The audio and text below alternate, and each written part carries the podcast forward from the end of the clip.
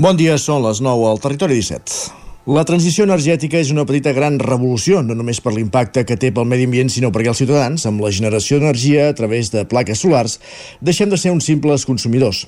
És un sector controlat per un, un, un oligopoli de grans empreses per passar a generar i gestionar l'energia que consumim. La pandèmia primer i ara la guerra a Ucraïna ens ha demostrat la fragilitat del sistema actual. La dependència energètica de tercers països provoca que qualsevol turbulència generi un encariment de preus. La inflació actual feia anys que no es veia i una desestabilització de l'economia. Com sempre, els que ho acaben passant pitjor són les persones més vulnerables que viuen, que veuen com no poden fer front a l'elevat cost del rebut de la llum. A Catalunya ens hi han posat tard, però ara sembla un procés imparable. Segons l'ICAEN, l'Institut Català de l'Energia, actualment hi ha un total de 60.000 instal·lacions d'autoconsum que generen una potència de 466 megawatts. El 2022 es van triplicar el nombre d'instal·lacions respecte al 2021 i es van multiplicar per 6 les del 2020. El repte que tenim al davant és majúscul si volem aconseguir la fita de la descarbonització de la societat catalana l'any 2050. El Vallès Oriental i Osona són de les comarques capdavanteres en instal·lacions d'autoconsum. Tenen un total de 31.000 quilowatts al Vallès 20 i 25.255 a Osona d'energia instal·lada. Això la situa en el segon i quart lloc de, de, del rànquing d'entre les comarques catalanes per l'energia generada. Al Ripollès hi ha 200 instal·lacions i al Moianès 301. Estem només al principi del camí. De moment, la majoria de projectes són petites instal·lacions per a ús domèstic, que són més del 87% de les que hi ha a Catalunya, aprofitant taulades de particulars, equipaments municipals o d'empreses que ja estan creant també petits parcs en terrenys industrials adjacents per reduir el consum de la xarxa. Per poder fer un salt important i arribar a la descarbonització total, però no n'hi haurà prou amb això. Caldrà crear parcs fotovoltaics, fotovoltaics de major dimensió que de moment generen un gran rebuig social. Les plaques tenen un impacte paisatgístic inevitable i per això cal explorar totes les possibilitats. Superfícies degradades com antics abocadors o vorals de les carreteres, com s'ha fet a la C-17, han de ser una prioritat. Caldrà tenir molta mà esquerra per tirar-ho endavant. No ens podem oposar a un canvi necessari i inevitable, però cal fer les coses bé. És dilluns 20 de març de 2023, en el moment de començar el Territori 17, a la sintonia del 9 FM, a la veu de Sant Joan, Ràdio Cardedeu, Ona Codinenca, Ràdio Vic i també Twitch, YouTube, el 9 TV i la xarxa més. La RAC Territori 17.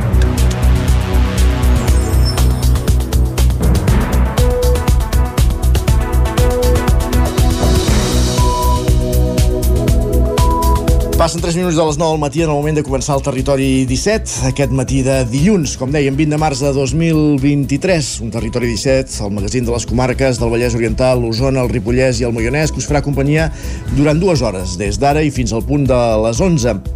Amb quins continguts? De quina manera? Doncs us els avancem tot seguit. En aquesta primera mitja hora ens dedicarem a repassar l'actualitat més destacada de les nostres comarques. També farem un cop d'ull a la previsió del temps i anirem al quiosc. La Clàudia Dinarès ens portarà les portades dels diaris del dia just abans d'arribar a dos quarts de deu del matí. Aquesta hora serà el moment de pujar al tren a la Trenc d'Alba amb l'Isaac Muntades des de la veu de Sant Joan recollint les cròniques dels oferts usuaris a la línia del nostre tren de cada dia de la línia Barcelona-Vic, Ripoll-Puigcerdà.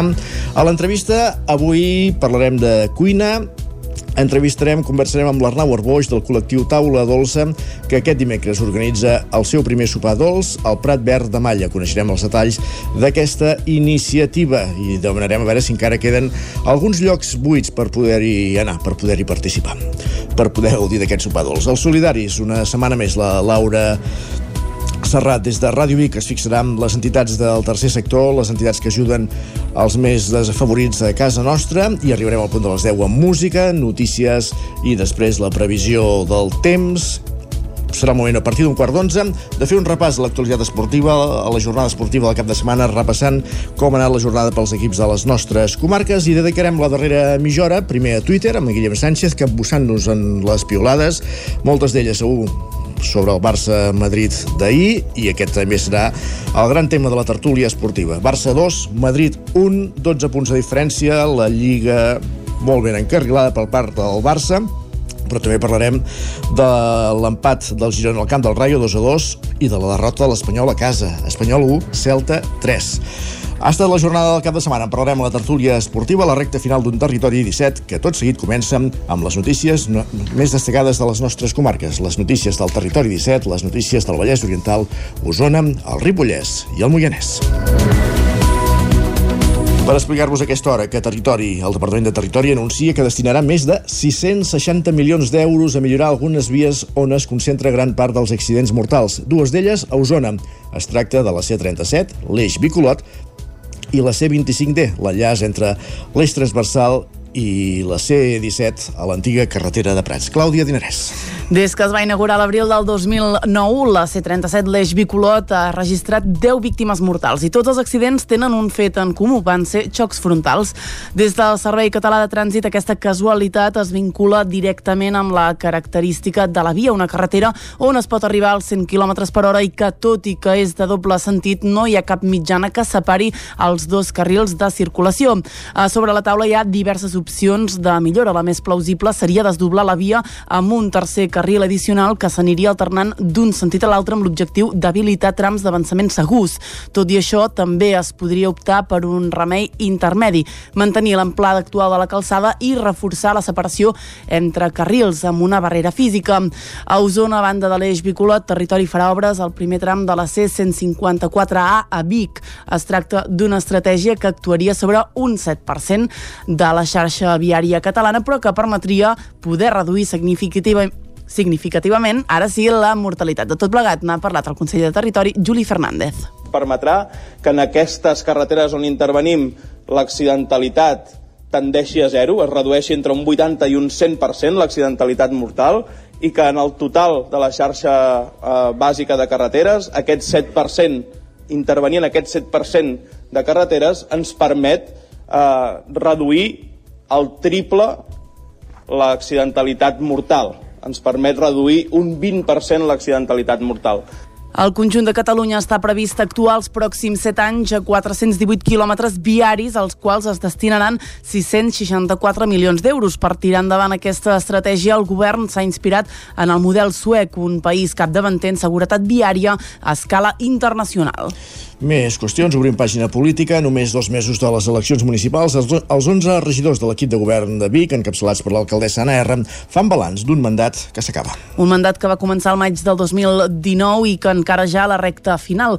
Només 10 mesos després de tastar per primera vegada la comoditat i la distensió de la majoria absoluta, l'esclat de la pandèmia va trasbalsar tots els plans d'un govern que s'acomiada havent complert amb el 90% del pla d'actuació municipal, tal com explicava l'alcaldessa de Vic, Anna R terra. I us diríem que, eh, si fem memòria, al febrer del 2020, just abans de tancar-nos, presentàvem aquesta eina del Pla d'Actuació Municipal on hi teníem establert totes les accions que teníem previstes i teníem un llistat d'unes 450 actuacions. Sempre vam dir que era una eina um, que es aniria adaptant a les necessitats i la pandèmia ho va portar, no? que ens va trastocar, podríem dir, la previsió inicial.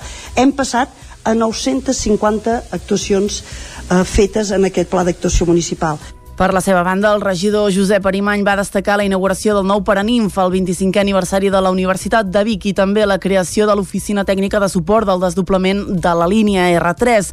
En l'acte, Arimany va anunciar que després de 12 anys al govern deixa la política municipal. I jo que ja no, amb, aquests, amb el pròxim mandat ja no estaré a l'Ajuntament, però sí que eh, estaré al patronat, al patronat de, de, de, de la FES, que és la Fundació, des d'allà treballarem perquè, perquè puguem aconseguir un bon contracte programa que ens ajudarà molt eh, a la ciutat i a la universitat. I del comiat d'Arimany el repte d'Albert Castells al capdavant de la llista de Junts a Vic. Del seu pas per la regidoria de Medi Ambient en va destacar moltes. La més recent, la recuperació de les casasses. En matèria de cultura, no hi ha dubtes en quina ha estat la gran obra del mandat, l'explicava Bet Piella. Una biblioteca que és exactament com ens l'imaginàvem, és a dir, el projecte es va teixir d'una manera però no sabíem com sortiria i ha sortit d'una manera espectacular. Han passat més de 100.000 persones ja. Una altra de les obres d'aquest mandat ha estat la posada en marxa del Vic.0. Tota aquesta exposició ha estat el colofó d'un mandat que culmina, com ho fa també el pas d'Anna R i Josep Arimany per la política municipal. Si la resta de regidors figuraran o no a la llista d'Albert Castells encara és una incògnita. Més qüestions, qui també té clar que el seu pas per la política municipal ha arribat a la seva fi és l'alcalde de Manlleu, Àlex Garrido. Un pas que assegura fa tranquil i en un dels millors moments de la seva vida. Garrido també ha parlat de la seva dimissió l'octubre de l'any 2020 després de difondre's un vídeo del seu àmbit privat a Platja d'Aro.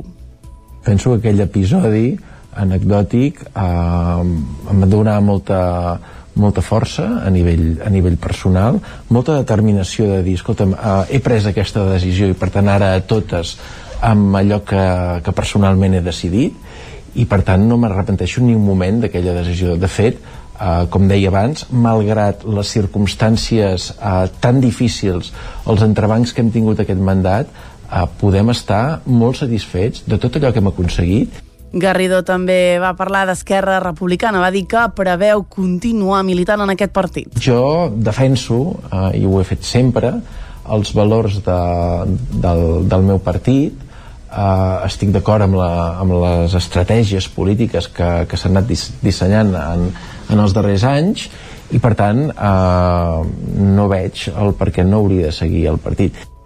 Qui agafarà el relleu a Àlex Garrido com a cap de llista d'Esquerra Republicana per les eleccions municipals del 28 de maig és Eva Font. Més qüestions anem cap al Vallès Oriental perquè Sant Feliu de Codines atura en sec les ocupacions il·legals en els darrers anys, un fet que temps enrere creava conflictes amb els veïns. Roger Rams, Ona Codinenca. Sí, Sant Feliu de Codines no ha rebut cap ocupació legal d'habitatges en els darrers 3 anys. Això ha estat en bona part gràcies a la tasca de la prevenció que la policia local està duent a terme i és que les darreres setmanes, i gràcies també als controls que realitzen per l'augment de robatoris, el cos ha frustrat algun presumpte intent d'ocupació. Ho explica Carmelo Garrido, cap de la policia local de Sant Feliu. Aquestes identificacions és gent que intenta ocupar. Eh, aprofitar nosaltres els controls de robatori, que són més gent, podem muntar dos patrulles, s'aturen més vehicles i a l'aturar més vehicles, evidentment, la proporció de trobar més gent eh, augmenta. Llavors, no és que hagi augmentat el, els intents d'ocupació, sinó al poder doblar la patrulla doncs, s'ha pogut identificar gent que realment anava a ocupar. Altres vegades eh, s'ha identificat just quan estaven intentant ocupar o quan havien entrat i se'ls ha fet fora Garrido també explica que en aquests tres anys s'ha pogut fer fora les persones que creaven conflictes amb els veïns i gràcies a la prevenció s'han evitat tots els intents que hi ha hagut. Des de fa tres anys que estem fent una molt, molt bona tasca en la prevenció i en la resolució dels intents d'ocupació. De fet, no, en tres anys no ha ocupat ningú aquí a Sant Feliu il·legalment i s'ha aconseguit fer fora pràcticament tots els ocupes que eren pràcticament tots, eh, que eren conflictius d'abans. Gràcies, com dèiem, al dispositiu especial OICOS, coordinat amb les policies locals de municipis veïns, com ara Caldes de Montbui i els Mossos d'Esquadra, la policia local de Sant Feliu ha pogut doblar els efectius en els controls que realitzen en carretera. Gràcies, Roger. Encara al Vallès Oriental parlem de la variant de Cardedeu, un projecte que ha sofert canvis. Pol Grau, Ràdio Televisió Cardedeu. El Departament de Territori impulsa la redacció de dos projectes per ampliar la calçada de la C35 entre la Roca i Vilalba amb un tercer carril i la instal·lació d'una mitjana central allà on sigui possible. Cadascun dels dos projectes avaluarà un tram de 10 quilòmetres que correspon a la variant de Cardedeu. L'anunci arriba la setmana que ha fet 20 anys justos de la inauguració d'una infraestructura que els municipis de l'entorn havien reclamat durant anys, tant de les institucions com des de la societat civil. L'actuació que es planifica forma part de l'estratègia 2 més per lluitar contra els xocs frontals que la Generalitat desplegarà des d'ara i fins al 2030 a uns 400 quilòmetres de la xarxa viària catalana amb vies que tenen un sol carril per sentit, però que sumen un volum de trànsit superior als 5.000 vehicles i han registrat víctimes mortals a xocs frontals. A la variant de Cardedeu van morir 5 persones en dos accidents només durant l'any passat. Arran del darrer accident mortal del passat 18 de novembre, l'alcalde de Cardedeu, Enric Oliver, ja es va reunir amb els responsables de territori per traslladar la necessitat de fer millores a la variant. Aquestes actuacions seran el principal canvi en 20 anys en aquesta infraestructura, on 6 mesos després de la seva obertura, els Mossos ja demanaven que es reduïssin els punts d'avançament per evitar xocs frontals. Poc més d'un any després de l'estrena, ja hi havia mort 5 persones. El juny de 2004, els punts on l'avançament era permès es van reduir a la meitat i la velocitat màxima permesa va rebaixar-se de 100 km per hora a 90 a la majoria dels punts. Més qüestions, la formatgeria Batara d'Olost i Perafita acaba d'adquirir un ramat de 80 cabres per abastar la producció de formatge de cabra ecològic. Per acollir-les ha adaptat una antiga granja de porcs a aigua freda, Clàudia. La tendència incipient a substituir el consum de llet de vaca i derivats pel de llet d'altres espècies i begudes vegetals ha portat a la formatgeria Betara d'Olost i Perafita a introduir també productes com la llet de cabra. En parla el gerent de la formatgeria, Ramon Berengueres Per què la llet? Perquè la matèria primera de la llet és un bé escàs en aquests moments a, a Catalunya en general i a Espanya, i esclar, ens hem adonat que degut a aquesta escassetat el més fàcil és jo me lo crio, jo me lo como, no? És a dir, nosaltres si som capaços de poder fer la llet serem capaços de tenir la matèria primera per fer el formatge. És una raça autòctona de, del centre d'Espanya, és una raça que també és, és resistent eh, a temperatures extremes i al mateix temps és una raça molt lletera. Eh? Parlem de l'ordre d'uns 3 litres per animal. A la granja de porcs al Saüc d'Aigua Freda han adaptat l'antiga granja de porcs ecològics per reconvertir-ho en cabres, on han habilitat un petit cobert en una sala de munyir que podrà acollir 24 cabres de forma simultània. La instal·lació té capacitat per 310 caps que aniran entrant gradualment. Les cabres adquirides en una granja de genètica ara han de créixer abans d'arribar a l'edat productiva, tal com explica Berengueres. Per tant, nosaltres considerem que amb la quantitat de llet que podem arribar a fer un cop tinguem la granja plena eh, serà suficient com per, per, perquè nosaltres puguem donar eh, en fi, a tots els nostres clients la, els formatges que necessiten. Actualment hi ha 50, vull dir que són petites, aquestes eh, cabres han de créixer, perquè la normativa també també ho demana, ho demana així, i si Déu vol, amb una mica de sort, a finals d'any aconseguirem fer els primers litres de, de llet. En la darrera edició del World Cheese Awards, Ramon Berengueres de Betara va ser el formatger català amb més medalles i en el seu ampli palmarès acumula tres superors. A banda del ramat propi de cabres, també compta amb una altra d'ovelles, també ecològiques.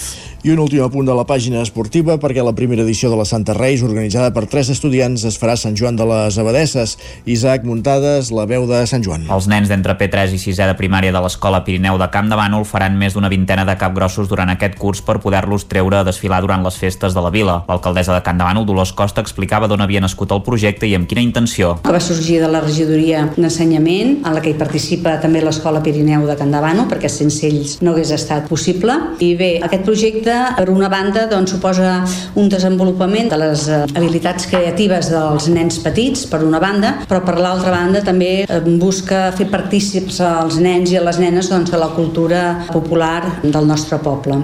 Un projecte que no només beneficiarà els nens de l'Escola Pirineu, sinó que de retruc va destinat a la colla gegantera i de grellers de Can de Bànol, com apuntava la regidora d'Ensenyament i de Cultura Popular, Teresa Codinac. Són unes entitats doncs, que se'ns han envellit molt i cada dia tenen menys gent, menys gent per portar els gegants, perquè entre gent nova, animar gent nova. Veiem, és complicat fer això, perquè clar, la gent ja tots tenim la nostra vida muntada i costa participar. Llavors, doncs, una manera era fer participar els nens. La directora del centre educatiu, Marcela Garrido, detallava que cada una de les 12 aules aules del centre farà un cap gros. Hi haurà temàtiques relacionades amb contes i amb les festes populars com el rei Carnestoltes, la Castanyera o el drac de Sant Jordi, però també les quatre estacions de l'any. Després hi haurà nou capgrossos que s'escolliran a través d'un concurs. Els nens de P3 fins a 6 de primària i les seves famílies hauran de fer el dibuix d'un tema prefixat com l'hereu i la pubilla, els gorgs, el campanar, Conforça, les entitats esportives o els sanitaris. El 21 de març s'exposaran els dibuixos i es farà una votació per escollir els guanyadors. Garrido afegia com es farien aquests capgrossos. De P3 a 6è participen fent el dibuix, però després els que realment fan el cap gros manualment seran els alumnes de cicle mitjà i superior, que són 108-109 alumnes. I ho farem en 4 dies. Dos dies farem una mica el que és la maqueta del cap gros, tota la part més de volum i així, i els altres dos dies el que fem és serà la pintura de. Està previst acabar-los el 2 de maig i estrenar-los per la festa major infantil al juny. Les empreses que han finançat el projecte són Esmitec, Conforça, Soldatal, Solter i l'Hospital de Can Davano. Gràcies, Isaac. Òbviament aquesta informació no feia referència a la Santa Reis, sinó als nens de l'Escola Pirineu de Can Davano que fan una vintena de capgrossos per passejar-los durant les festes populars. Amb aquesta crònica de l'Isaac Muntades acabem aquest repàs informatiu que començava amb el punt de les 9. Un repàs informatiu que hem fet en companyia de Clàudio Dinarès, Isaac Muntades, Pol Grau i Roger Rams. I ara és moment de conèixer la previsió del temps. De saludar en Pep Acosta.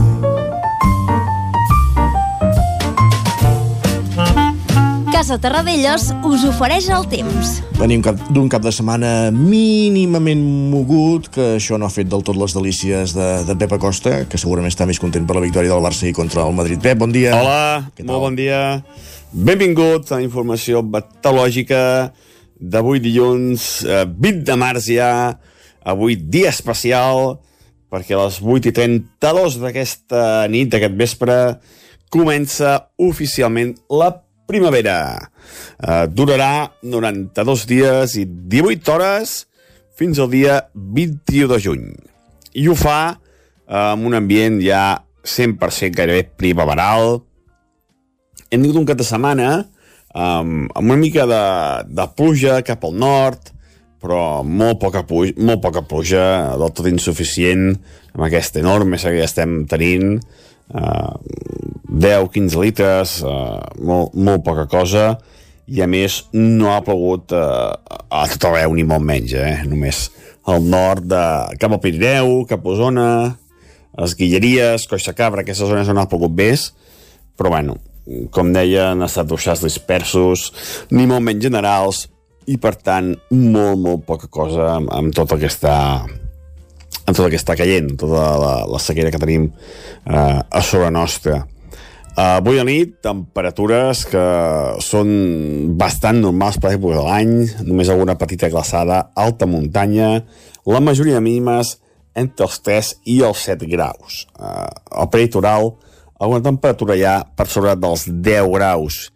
I avui serà un dia uh, molt tranquil, uh, aquesta mica d'inestabilitat aquest cap de setmana uh, se'n va, i l'anticicló ens dominarà durant dies i dies entre aquesta falca anticiclònica a tota la, la Mediterrània uh, occidental i per tant no tindrem gairebé cap, cap variació amb el temps durant tota la setmana.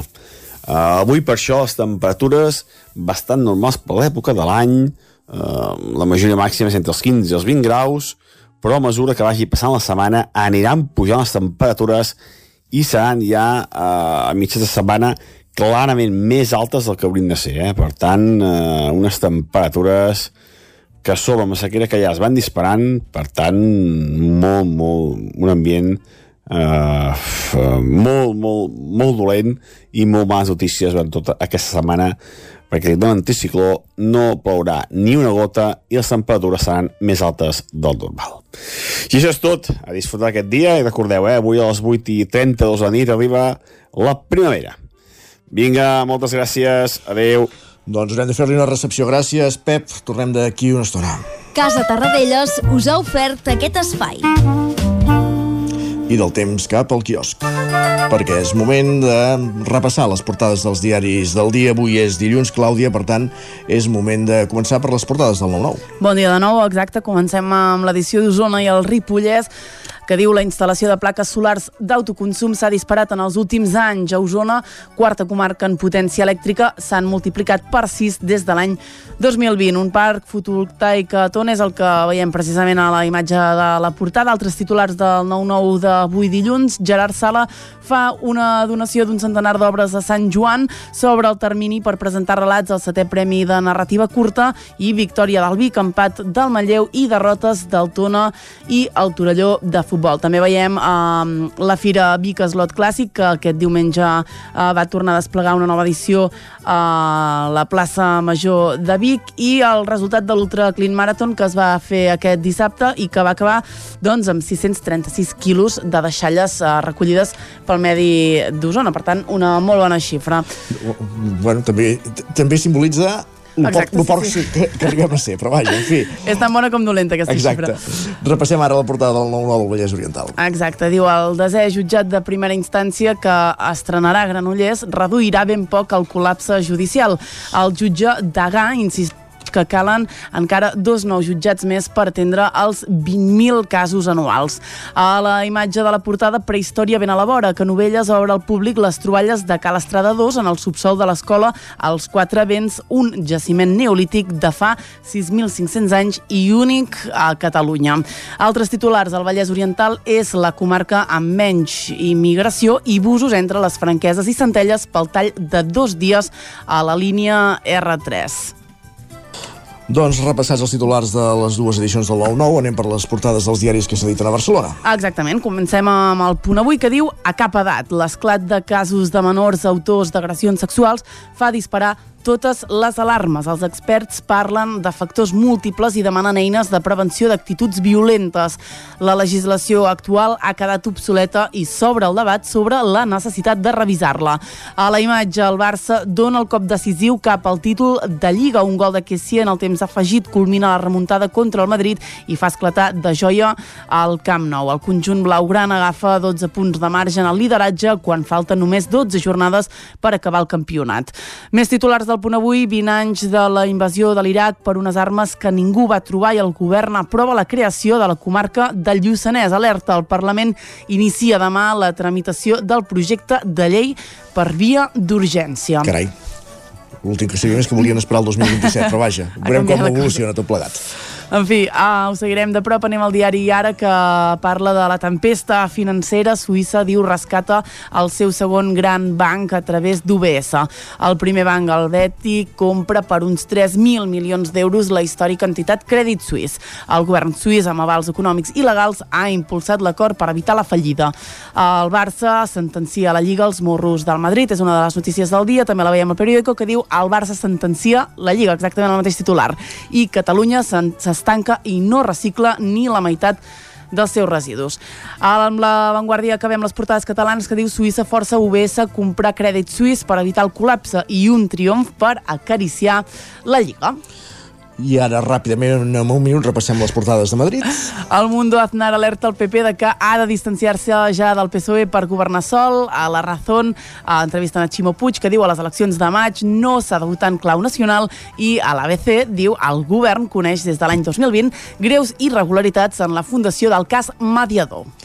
Perfecte, Clàudia, doncs moltíssimes gràcies per aquest exhaustiu i ràpid repàs a, a les portades del dia, les portades dels diaris que trobem al quiosc i avancem al territori 17. Tot seguit el que farem és una petita pausa Uh, però tornem de seguida, pujarem al tren, al tren a la trenc d'Alba amb l'Isaac muntades des de la veu de Sant Joan recollint les cròniques dels oferts usuaris de la línia i tot seguit parlarem de cuina, de cuina dolça, perquè el col·lectiu Taula Dolça fa aquest dimecres el seu primer sopar de presentació, un sopar dolç, al Prat Verd de Malla i en coneixerem tots els detalls amb un dels responsables d'aquest col·lectiu, amb Arnau Arboix. Tot d'aquí, després d'aquí 3 minuts. Ara una petita pausa i tornem fins ara mateix.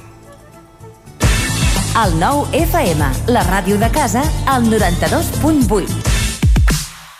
Estàs preparat per aquest estiu? A Boi Galter som especialistes en tot allò relacionat amb la protecció solar per a qualsevol necessitat d'espai, tendals, pèrgoles, escrins interiors. Anticipa't a la calor. T'assessorem i t'oferim la màxima garantia de confort i benestar per casa teva. No ho dubtis i vine a Boi Galtés. Ens trobaràs al carrer Jaume I de Vic número 5 al 93 886 1420 a la nostra web www.boigaltés.com i també som a Instagram boigaltés.tendals. El 25 de març arriba l'Ubic Fest, les portes obertes de la UBIC convertides en un festival. Coneixeràs tots els graus i cicles, rebràs orientació universitària i viuràs emocions que et posaran la pell de gallina. Inscriu-t'hi ja a ubic.cat barra JPO presencial. El dissabte 25 de març vine a l'Ubic Fest, unes portes obertes que et posaran la pell de gallina. Cefusol, centre de formació de soldadura GURB. Som especialistes en processos de soldadura. Disposem d'instal·lacions totalment equipades per classes de teòrica i pràctica amb cabines individuals i equipaments de seguretat. Assessorem empreses i oferim cursos subvencionats i bonificats.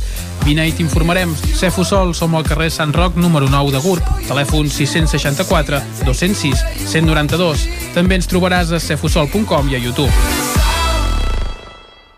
Que la gent gran pugui envellir a casa amb dignitat, autonomia i qualitat és el propòsit de la Diputació de Barcelona i dels ajuntaments.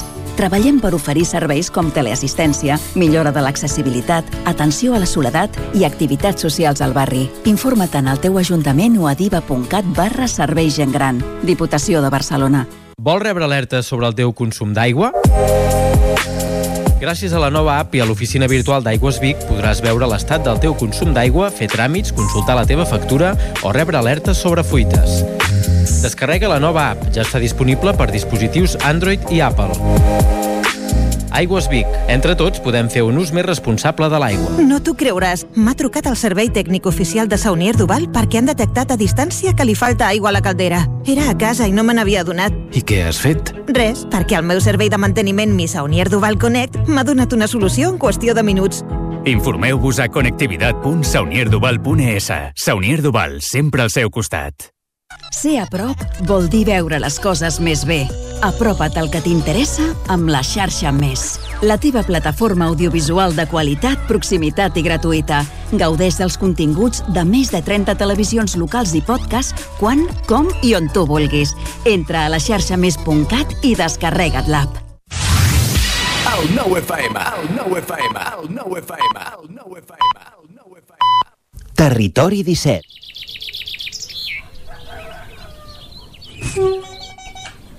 A Tren d'Alba. Cada dia els usuaris i usuàries de la línia R3 de Rodalies que veuen sortir el sol des d'un vagó ens expliquen les gràcies i les penes del primer comboi que uneix Ripoll i Barcelona o les feixugues jornades amb el tren després de treballar.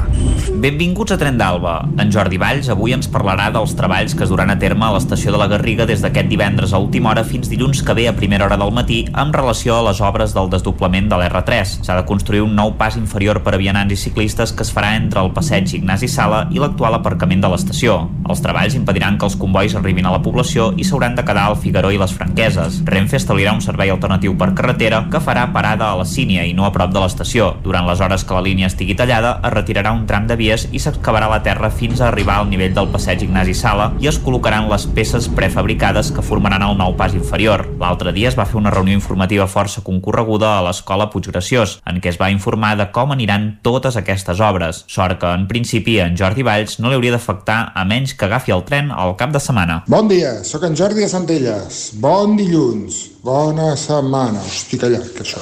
Res, 8 minutets tard. Hem descobert que a Centelles fan creuament amb un que puja, amb el primer que puja. Si l'encreuament el fem a Sant Martí, una estació més a baix, vol dir que no ens esperem i que el tren va puntual. Avui ens ha fet esperar i a sobre bastant. Llavors, tots els encreuaments va malament. Estadística pura.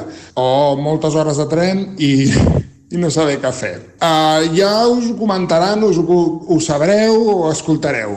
Aquest cap de setmana comença el Mambo. Què vol dir això?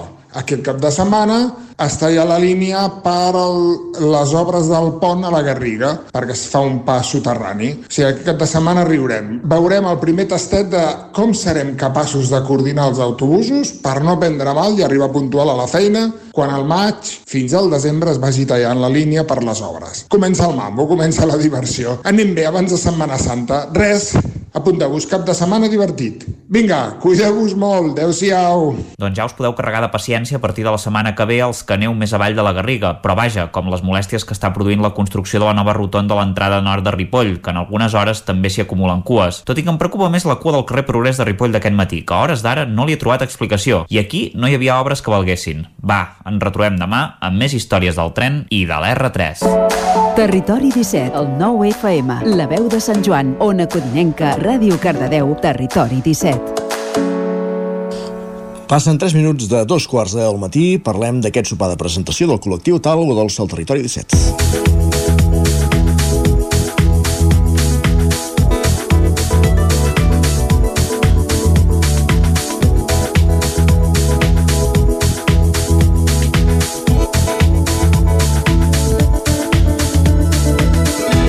I és que, com dèiem fa un moment, el col·lectiu Taula Dolça es presenta en societat aquest dimecres. Serà al Prat Verd de Malla, quan es fa la presentació oficial del col·lectiu de pastissers Taula Dolça. La vetllada serà una experiència gastronòmica al voltant de la cuina dolça, tot i que l'activitat del col·lectiu va arrencar a finals de 2021. Ara arriba el moment de la presentació oficial. I es farà, això, com dèiem, amb un sopar dolç, que es començarà a servir a partir de les 9 del vespre. Abans, però, hi haurà hagut l'acte de presentació d'aquest col·lectiu. Un dels seus membres és la Arnau Arboix, a qui ja podem saludar. Arnau, benvingut. Bon dia. Què tal? Com estem? Bon dia. Bon dia. Tot a punt per aquest sopar, aquesta presentació del col·lectiu Taula Dolça dimecres?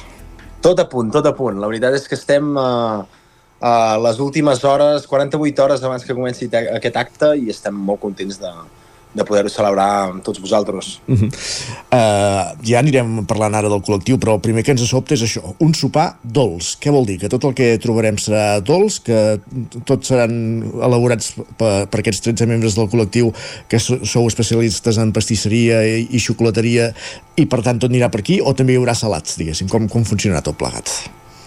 La veritat és que, que hi haurà part de salat, la, la part d'aperitius, hi haurà un plat principal que és basat a, és bàsicament salat, però sí que la tècnica dolça o les tècniques que podem arribar a aplicar sigui a la part de postes d'un restaurant o en una pastisseria, doncs ho trobarem reflexat eh, durant tot el menú degustació, entre cometes, doncs d'aquest esdeveniment. No? Eh, després sí que hi ha una part important de postres, de dolç, però molt ben equilibrat, o sigui, no, no sortirem d'allà amb una diabetis pels números. Ah, molt bé.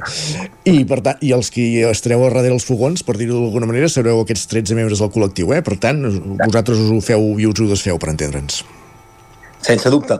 Uh, hem treballat amb binomis i d'aquesta manera ens ha pogut permetre doncs, de, de ser molt més precisos i d'intentar treballar aquest menú uh, molt més conscient. No? Aleshores ens han dividit i hem aplicat des d'aperitius salats fins a aquest plat principal, des d'una seqüència de postres a tota una gamma de, de patífors que, que acabaran l'acte i, i ens han dividit aquests 13 membres per poder-ho elaborar. Mhm.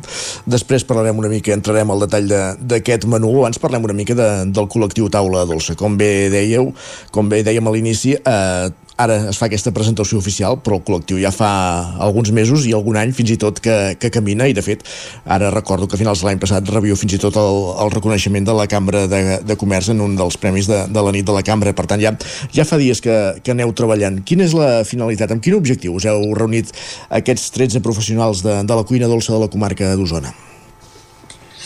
Pues, eh, bé, com tu deies, doncs a finals del 2021 vam, vam decidir, ja feia temps que en parlàvem, però hi havia la pandèmia pel mig, de, de reunir-nos. Eh, en aquell moments doncs, érem sis persones que, que començàvem aquesta, aquesta idea, i la idea era doncs, de, de reunir-nos i de passar-nos-ho bé, no? d'intentar doncs, de fer algun sopar, eh, com dèiem, en, enfocat al món dolç, i a poc a poc doncs, ens vam anar animant, no? perquè en vam fer, en vam fer un primer, va ser tot un èxit, i hem decidit doncs, de continuar i d'anar veient, però des d'una manera molt, molt amateur, no sabíem ni si ens consideraríem una mica com a associació i al final doncs, es va anar donant. No?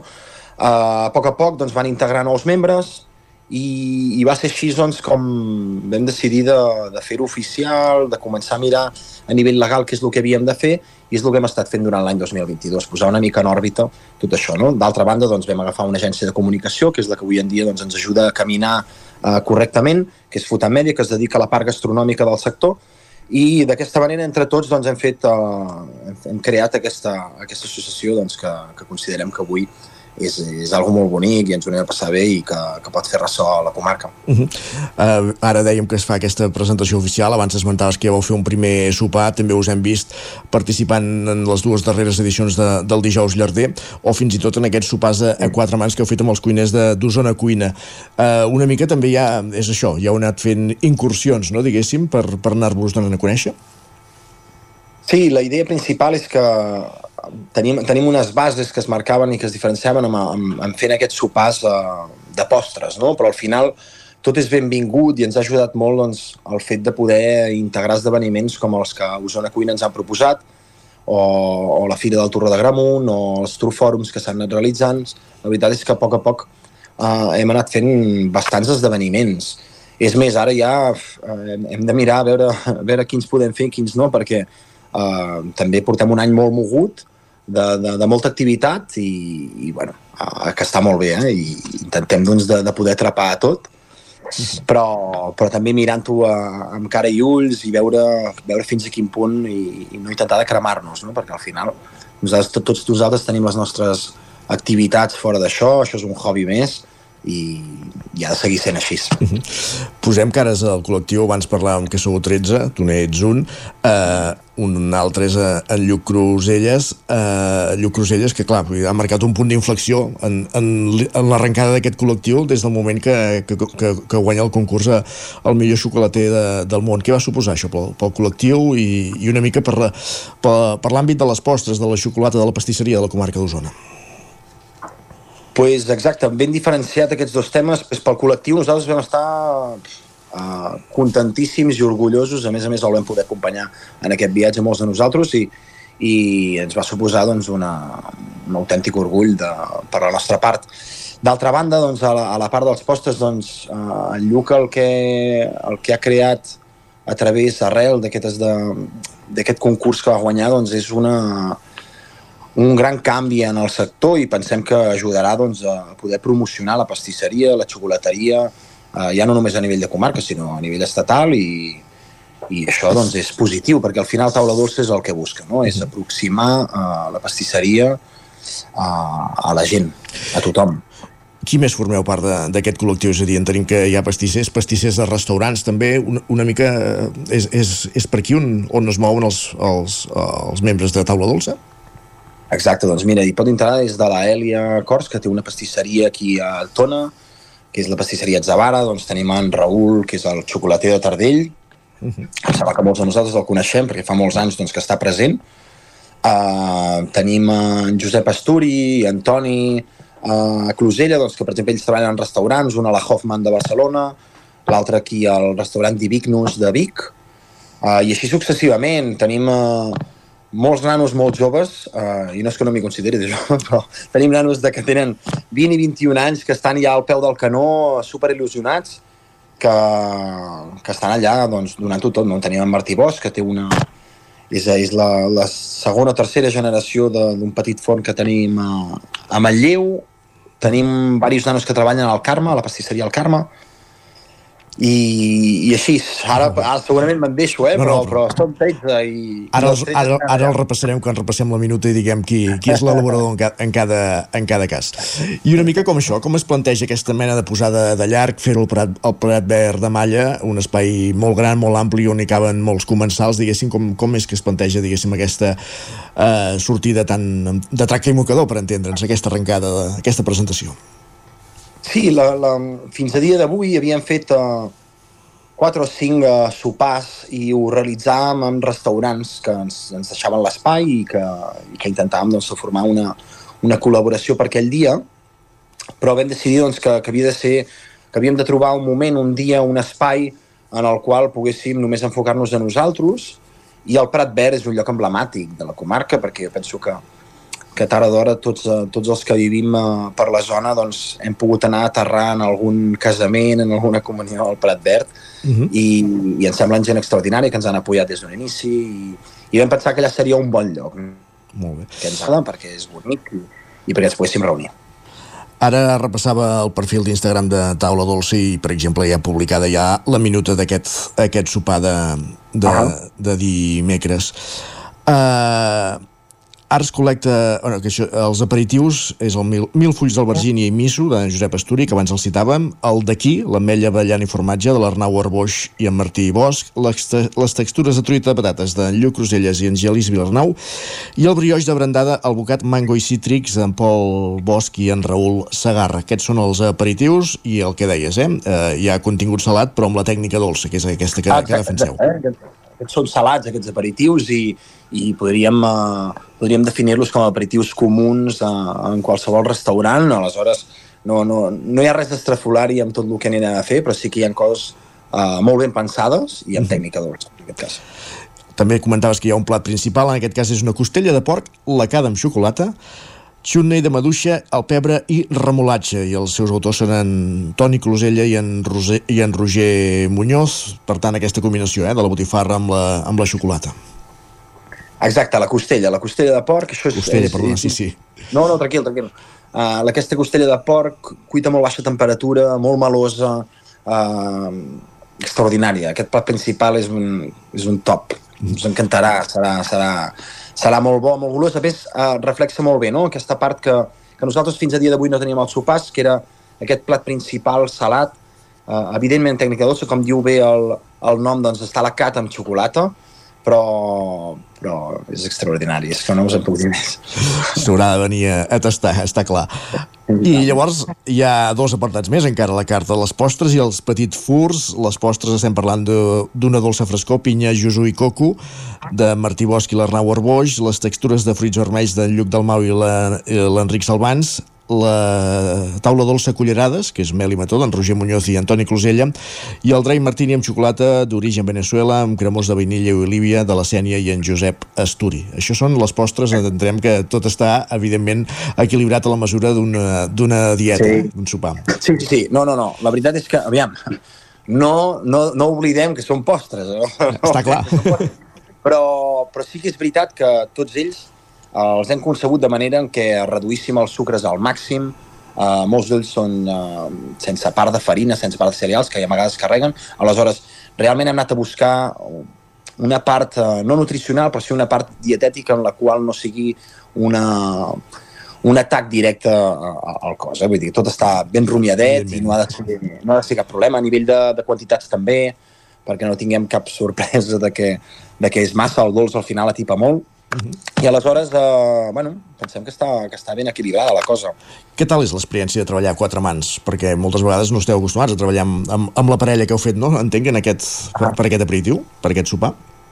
Això està bé perquè ha estat un, ha estat un bon repte. També ha permès eh, als integrants del col·lectiu doncs, que són un pèl més joves de poder treballar amb algú doncs, que tingui uh, un pèl més d'experiència i d'aquesta manera doncs, uh, no anar tan perdut. No? Ens trobàvem abans que, que quan jo recordo quan tenia 19, 20, 20 anys, 21 anys, doncs vas més més perdut, encara que tinguis moltes ganes, doncs tens molts dubtes, i d'aquesta manera hem posat en comú moltes coses i hem pogut treballar molt correctament. No? I treballar a quatre mans sempre és fantàstic, perquè, mira, si una cosa ens diferencia taula dolça d'algun altre col·lectiu és que ens duem molt bé tots. I, i és l'amistat el que preval per davant de tot i intentem passar-nos-ho bé, així que és fantàstic treballar quatre mans. Molt bé. I acabareu amb, un petit, amb els petits furs, el xarro fresc de Poma Llima i el Fàbrega d'en Genís Vilarnau i en Lluc Cruselles, el núvol de xocolata negra i pebre d'en Lluc Cruselles i en Genís Vilarnau, el sàndwich de nou de macadàmia de l'Enric Salvans i el Lluc del Mau, el bombó fresc de coco, llima i tequila d'en Lluc del Mau i l'Enric Salvans i la piruleta de gers i xocolata d'en Raül Segarra i en Pol Bosch. Tot aquest menú, com bé dèiem, eh, dimecres dimecres en aquest sopar de presentació al Prat Verd de Malla del col·lectiu Taula Dolça. Eh, clar, pregunta obligada. Encara hi ha lloc per qui, per qui vulgui fer un cop de cap a última hora? Poques places queden. Ja, Poques places. Seré franc, eh? Poques places queden. Uh, la veritat és que vam, vam visualitzar un event uh, d'un tamany que nosaltres poguéssim arribar a coordinar bé, no volíem despassar-nos, volíem que això fos Uh, no petit comitè, volíem que hi hagués persones, però al mateix temps que poguéssim abarcar-ho bé i que tothom pogués entendre que pogués ser perfecte l'esdeveniment, i ho serà, no? Aleshores, aquestes places estan quasi bé cobertes. Eh? Tenim, ten, tenim marge, eh? però tenim marge, uh -huh. uh, però no massa. Avui al matí m'han enviat i he pensat, bueno, Bé. per sort no, no hi ha gaire marge eh, qui, vulgui, qui tingui interès, per exemple, pot buscar-vos el, el perfil de Facebook de Taula Dolça i allà trobarà la, la manera de, de, de, de fer la reserva. Eh, com bé dèiem, el sopar comença a les 9 del vespre, però l'acte de presentació comença una hora i mitja abans, hi ha un còctel de benvinguda, hi haurà música amb, amb Pep Poblet, una mica, diguéssim, per fer la, abans els, la presentació del col·lectiu, eh, la posada de llarg. Mm -hmm. Sí, exacte, exacte, és així. Vull dir, hi haurà en Pep Poblet que, que ens vindrà a acompanyar, que nosaltres estem molt, molt contents de, de que pugui estar allà uh, amanint una mica aquest event i després hi haurà la Eva Torrents, que és la noia que conduirà una mica uh, un acte de presentació molt breu però que, que serà molt concís, que tenim altres ganes de fer i, i res, i després començarem amb el menú i a passar-ho bé, disfrutant de la gastronomia. Doncs això serà, com bé dèiem, dimecres al Prat Verd de Malla, sopar de presentació del col·lectiu Taula Dolça. N'hem parlat amb un dels seus impulsors, amb l'Arnau Arboix. Arnau, moltíssimes gràcies i que vagi gràcies molt bé. Gràcies a vosaltres. Gràcies, moltes gràcies, eh? Que passeu bon dia. Bon dia. Nosaltres avancem aquí al territori 17, ja hem fet salivera només de començar el dia, eh, per qui encara hagués d'esmorzar, tenint en compte doncs, això, que hem parlat d'aquest sopar que hi haurà dimecres al, Prat, al Prat Verd de Malla, el sopar de presentació del col·lectiu Taula Dolça, i el que fem tot seguit és endinsar-nos al solidari, ja ens espera la Laura Serrat a Ràdio Vic.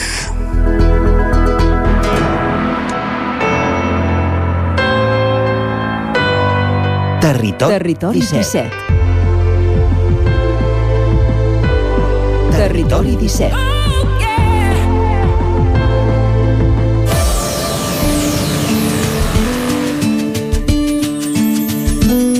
Solidaris, amb Eloi I avui els Solidaris, des de Ràdio Vic, amb la Laura Serrat, el que fem és parlar d'ajuda. Ja sabeu que anem fent monogràfics després de parlar amb algunes de les entitats que treballen per les persones que ho necessiten a les nostres comarques.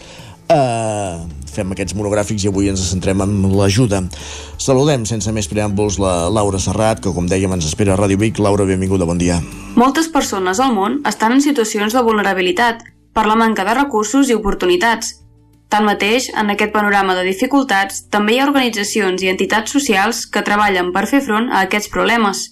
En aquest programa tornem al món de la solidaritat i l'ajuda social per posar en valor alguns dels projectes més destacats que duen a terme diferents entitats a favor de les persones vulnerables. Des de programes d'inserció a l'ajuda humanitària, passant pel suport a les persones en situació de pobresa o exclusió social, descobrirem com aquestes entitats estan fent una gran diferència en la vida d'aquestes persones. Avui, des de Ràdio Vic i a través de l'antena del Territori 17, conversem de nou amb el Tupí, la Fundació Impulsa, l'Associació Tapís, la Fundació Trueta i l'Associació Carama per donar a conèixer les seves propostes.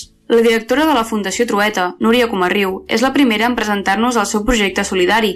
Centrada en la reutilització de materials, la Fundació tractava anteriorment amb fàrmacs. Tot i que la nova directriu europea els va tancar la porta per la reaprofitació dels medicaments, Trueta no va perdre l'esperit de recollir i reciclar. Comarreu explica que ara són especialistes en gestió de residus i destrucció de documents confidencials i és d'aquesta manera que poden oferir oportunitats. Des de sempre ja vam néixer pensant amb el medi ambient i amb l'economia circular. Llavors, actualment continuem fent el tema de la reutilització de medicaments i un dels últims projectes que estem treballant és el de la recuperació tèxtil. Com tots sabeu, el tèxtil genera un problema de residus molt gran. Tenim tones i tones i tones de residu tèxtil que actualment encara va a parar als abocadors.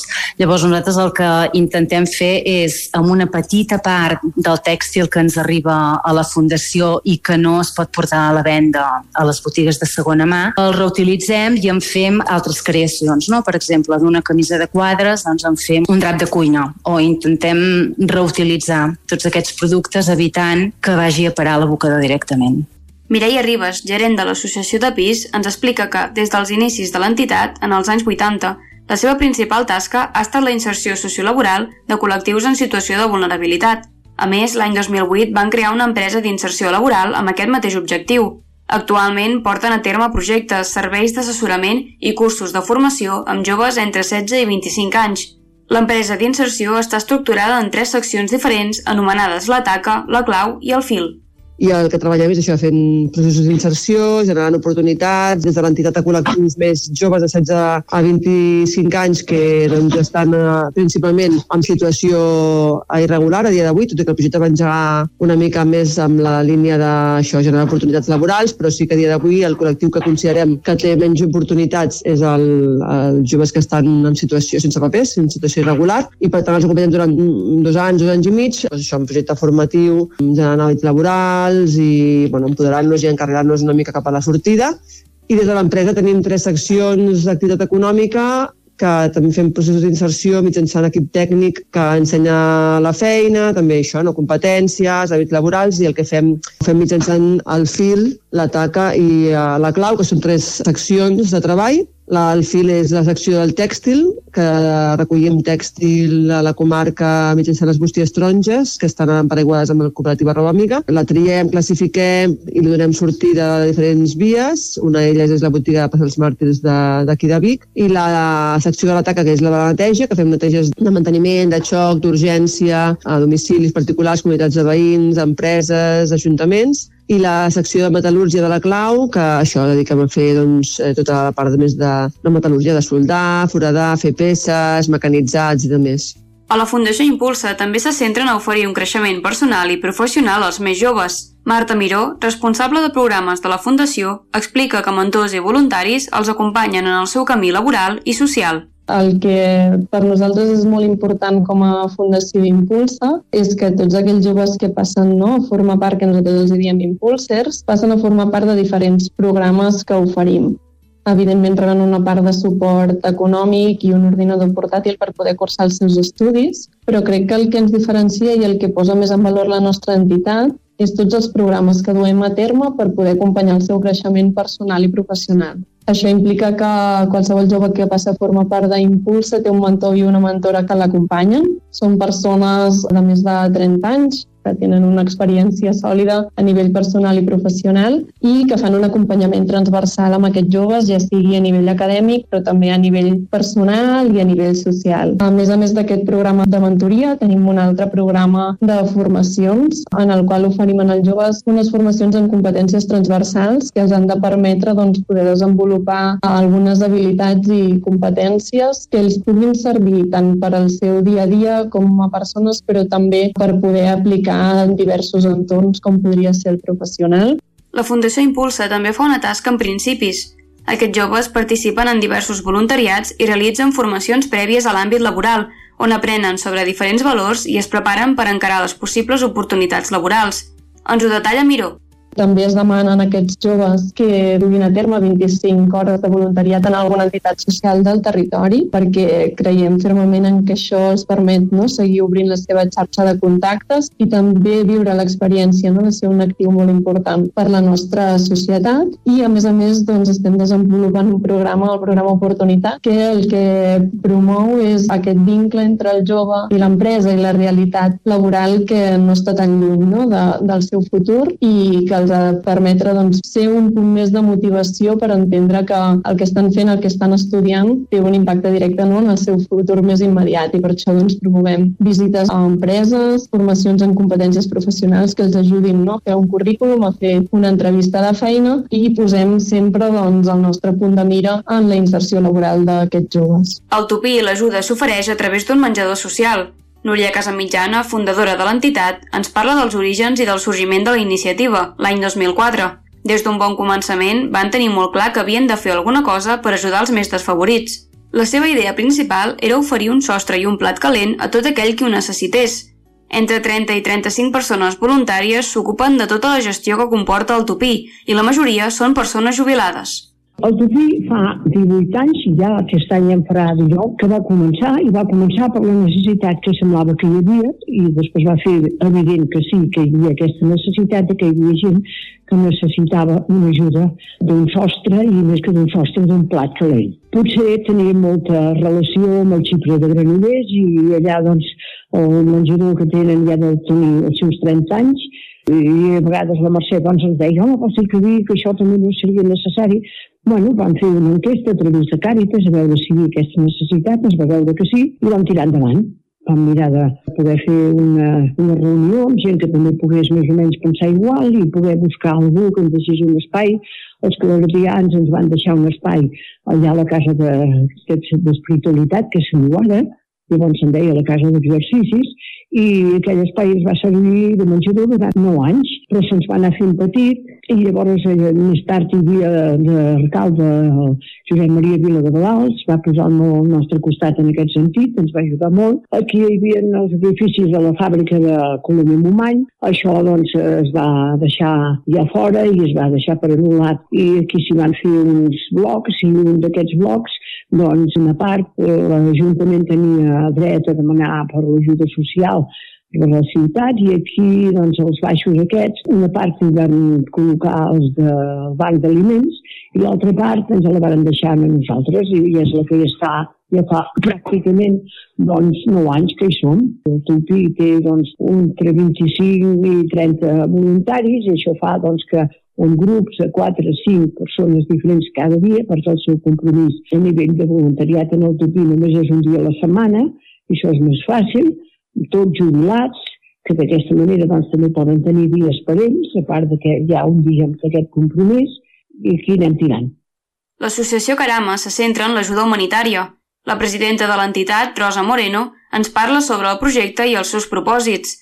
Carama, amb seu a Manlleu, ofereix ajuda a nivell nacional i internacional i arran de la pandèmia també s'han despertat projectes locals. Pues mira, sí, somos Asociación Carama, una entidad sin ánimo de lucro, no gubernamental, que llevamos pues unos seis, siete años. Hacemos cooperación internacional y cooperación nacional. Antes estábamos en hostales donde enviábamos contenedores de ayuda humanitaria a países en conflictos bélicos o catástrofes naturales y demás. Y ahora, pues hace como unos tres años, justamente en la pandemia, empezamos en Manlleu, que es donde tenemos actualmente la sede, empezamos también pues, a hacer lo que es a nivel ayuda a familias en riesgo de exclusión social. Solemos coger pues 30 familias cada mes Carama va néixer amb l'objectiu d'ajudar a totes les persones refugiades que necessitaven productes a les fronteres d'Hongria. La presidenta explica que, tot i que Carama va començar al garatge de casa seva, va obtenir una gran acollida en les xarxes socials i ràpidament es va fer necessari buscar un local per a poder gestionar totes les donacions que rebia. Empezó todo, yo estaba viendo un día el telediario y fue la época, no sé si la recordáis, en que una periodista en Hungría puso la zancadilla a un papá que iba con la niña. A mí me dio tope de rabia y dije, Dios mío, está pasando un conflicto aquí y encima pones la trabanqueta, ¿no? Como se suele decir, y además bien puesta. Y yo empecé a redactar un proyecto que presenté a varias asociaciones, bueno, a varias empresas, entre ellas a Fundación Seur. Les gustó el proyecto y firmamos un contrato en el que ellos el transporte de toda España me lo iban a traer de manera totalmente gratuita. Me puse con Facebook, con las redes sociales y bueno, aquello fue bestial, se hizo viral. Tuvimos que coger otro almacén en, en Vigo, en Galicia, y yo tuve que coger otra nave en Hostalés porque allí ya nos, nos... Y luego pues empezamos a unirnos con asociaciones y ha ido creciendo todo, la verdad. Després d'endinsar-nos en diversos projectes d'entitats socials que ajuden a les persones vulnerables, podem assegurar que aquestes iniciatives són essencials per millorar les condicions de vida d'aquells que més ho necessiten. La dedicació i el compromís dels voluntaris i dels professionals que treballen en aquests projectes són clau per garantir que aquestes persones rebin la millor ajuda possible. La col·laboració entre les entitats i altres organitzacions públiques i privades també és crucial per abordar els reptes socials que afrontem avui en dia. Esperem que aquestes iniciatives segueixin creixent i que cada vegada més persones puguin rebre l'ajuda que necessiten per prosperar.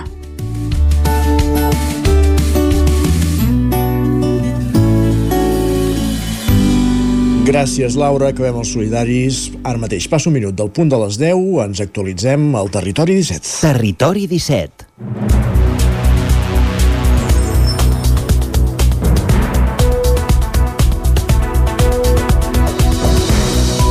Moment al territori 17 de posar-nos al dia, d'actualitzar-nos amb les notícies més destacades de les nostres comarques, el Vallès Oriental, l'Osona, el Ripollès i el Moianès, i ho fem en connexió amb les diferents emissores que dia a dia fan possible aquest programa, una codinenca, la veu de Sant Joan, Ràdio Cardedeu, Ràdio Vic i el 9FM també ens podeu veure a través de Twitch, YouTube, el 9TV i la xarxa més. Es presenta el projecte definitiu per tirar endavant la creació de l'Institut Escola Pic del Vent, al Calderia Caldes de Montbui, que, entre d'altres, ha de servir per posar punt i final a 17 anys 17 anys de barracons. Roger Ram, zona codinenca. Sí, aquest divendres s'ha presentat a Caldes de Montbui el projecte definitiu per la construcció del nou edifici del futur Institut Escola Pic del Vent al Calderí. Un dels punts més destacats, com dèiem, és que es preveu la retirada definitiva dels mòduls prefabricats, els barracons, que actualment hi ha en aquest centre educatiu i que hi són, com dèiem, des de fa 17 anys. Isidre Pineda, l'alcalde de Caldes de Montbui, reconeix que la situació s'ha allargat massa en el temps. Massa anys, massa anys de barracons a Caldes de Montbui. Ho reconec 16, gairebé 17 anys de barracons és inacceptable. I totes les eh, administracions havíem de fer el possible per solucionar, per resoldre aquest tema, per acabar, per finalitzar, per projectar, per il·lusionar-nos amb un nou projecte educatiu. Un nou projecte educatiu 316 que complementa, evidentment, eh, l'oferta, la diversa, l'oferta formativa que hi ha a Caldes de Montbui. Les obres es duran a terme en calendari lectiu i, per tant, amb l'activitat eh, en marxa a l'escola i a l'institut. Ara bé, per minimitzar aquest impacte, s'han anunciat una sèrie de mesures per evitar al màxim les molèsties, tal com explica el regidor d'Urbanisme, Jordi Martín. Les obres sempre molesten, però en aquest cas molestaran menys. Per tant, tot el procés de construcció d'aquesta ampliació de, del, de l'institut eh, es podrà fer des de la màxima seguretat i sense pràcticament eh, influir o molestar gaire. Sempre hi haurà un dia que vindrà una grua i no, no podrem arribar als pares o el que sigui. També es construiran aules de tutories, psicomotricitat, dormitori i reforç. Es reformarà i ampliarà també la cuina per tal de fer-hi directament el menjar i es construirà una nova pista esportiva a l'exterior. Un altre dels elements destacats serà una nova àgora, un recinte porxat de més de 100 metres quadrats que ha de connectar la part de l'escola amb la de l'institut. Tota aquesta obra tindrà un cost final de més de 3 milions i mig d'euros que finançaran en un 85% la Generalitat de Catalunya i en el 15% restant l'Ajuntament de Caldes. Hem de remarcar, però, que que aquest pressupost s'ha vist afectat per la inflació en la que ens trobem immersos i s'ha revisat a l'alça. El conseller d'Ensenyament del govern català, Josep González Cambrai, està a Caldes, on s'ha reunit amb l'alcalde, alguns regidors i les comunitats educatives i, de fet, ell era qui havia de fer la presentació d'aquest nou projecte, però ha decidit abandonar la vila termal abans de l'acte, després que un grup de membres del sindicat Ustec s'han manifestat amb cartells, pancartes i cridant consignes a favor del 6% d'inversió en educació i en contra de les polítiques adoptades pel conseller. Gràcies, Roger. Més qüestions. Com a mínim, durant tres setmanes, l'accés al pantà de Sau estarà totalment restringit. Així ho han consensuat la Diputació de Barcelona i l'Ajuntament de Vilanova de Sau. Segons ha comunicat l'ACA, les restriccions ja van començar aquest cap de setmana, dissabte. Clàudia Dinarès. L'accés queda totalment restringit com a mínim durant tres setmanes per motius de seguretat i és que arran dels treballs que s'estan fent per desembassar l'aigua cap al pantà de Susqueda i per treure els peixos que hi queden, unes 60 tones en total, els fangs que queden al fons i a la llera són densos i perillosos. Alerten que tant les persones com els animals hi poden quedar atrapats. És per això i amb la previsió que molta gent volgués apropar-se a veure la situació del pantà que s'ha decidit restringir totalment l'accés a la llera, concretament a menys de 100 metres de la làmina d'aigua i a l'àrea d'esplai del pantà. S'han instal·lat cartells a la rotonda de Folgueroles alertant els vehicles que no es pot arribar fins al pantà i també se n'ha posat un altre a l'aparcament que hi ha abans d'arribar a la presa de Sau. Aquesta mesura arriba després que el cap de setmana passat es decidís recuperar els controls d'accés que ja s'havien fet a la zona durant la temporada d'estiu per evitar massificacions que s'acosten al pantà per veure el baix nivell d'aigua en què es troba i l'església de Sant Romà completament al descobert, el que han anomenat com a turisme de sequera. Pel mateix motiu també queda tancat el punt d'informació del pantà. Més qüestions al sector boví de carn. Alerta que s'enfronta a nombroses incerteses arran de l'encariment dels costos de producció i la reducció d'ingressos derivats de la pèrdua d'ajuts de la PAC.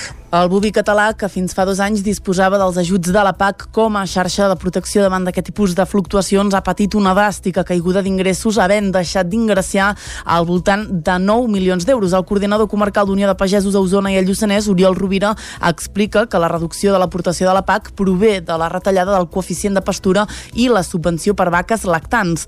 Per ell, el problema va més enllà. D'entrada, es viu amb una paradoxa perquè l'increment dels costos de producció i l'energia també ha repercutit en el preu de la carn i, per tant, aparentment pot semblar, diu, un bon moment pel sector perquè la carn va cara.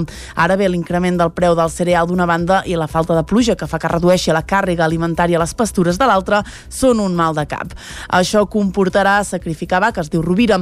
En el seu cas, que la seva explotació tenen un ramat de 100 vaques de la raça bruna del Pirineu, que ara està en època de cria. Si la situació no canvia molt, diu, quan deslletin els vedells n'hauran de portar una vintena a l'escorxador. Són vaques de més de 8 anys, però que en una situació de normalitat encara continuarien al ramat. Això en el cas de la ramaderia extensiva, però els efectes també són notoris a les granges intensives, com que no s'ha pogut recollir el farratge d'altres anys per la manca d'aigua, el preu de comprar l'aliment que no s'ha pogut conrear s'ha incrementat entre un 120 i un 130% en el cas del farratge sec i fins a un 150%. Més qüestions. L'autora la, la, de cinema, la, la cinesta biguetana Irene Gil Ramon ha guanyat el Premi Fries Los Angeles Film Award amb el seu curtmetratge Best Day of My Life in LA. Clàudia. Es tracta d'un curtmetratge entre l'autoficció i el documental on Gil Ramon ha volgut mostrar amb una mirada honesta i en clau còmica la cara menys coneguda de Hollywood i el somni americà de pensament de que si vols que passi alguna cosa depèn de tu i bueno, a vegades les coses eh, no depenen de tu. En tot cas el curt no és una paròdia d'això sinó que, que ho posa com perquè cadascú pugui jutjar perquè la protagonista és com no s'està escoltant a ella mateixa no? i els seus desitjos i va com fent un encàrrec darrere l'altre oblidant una miqueta la raó per la qual va arribar en aquesta ciutat i a mesura que avança el curt doncs anem coneixent més amb aquest personatge el curt es basa en l'exploració de la identitat, la temàtica del conjunt d'obres del festival, així mateix ho explica la directora. Tot el curt va començar eh, amb la idea de la vulnerabilitat emocional i d'alguna manera posar-me jo mateixa davant de la càmera, que és una cosa que no...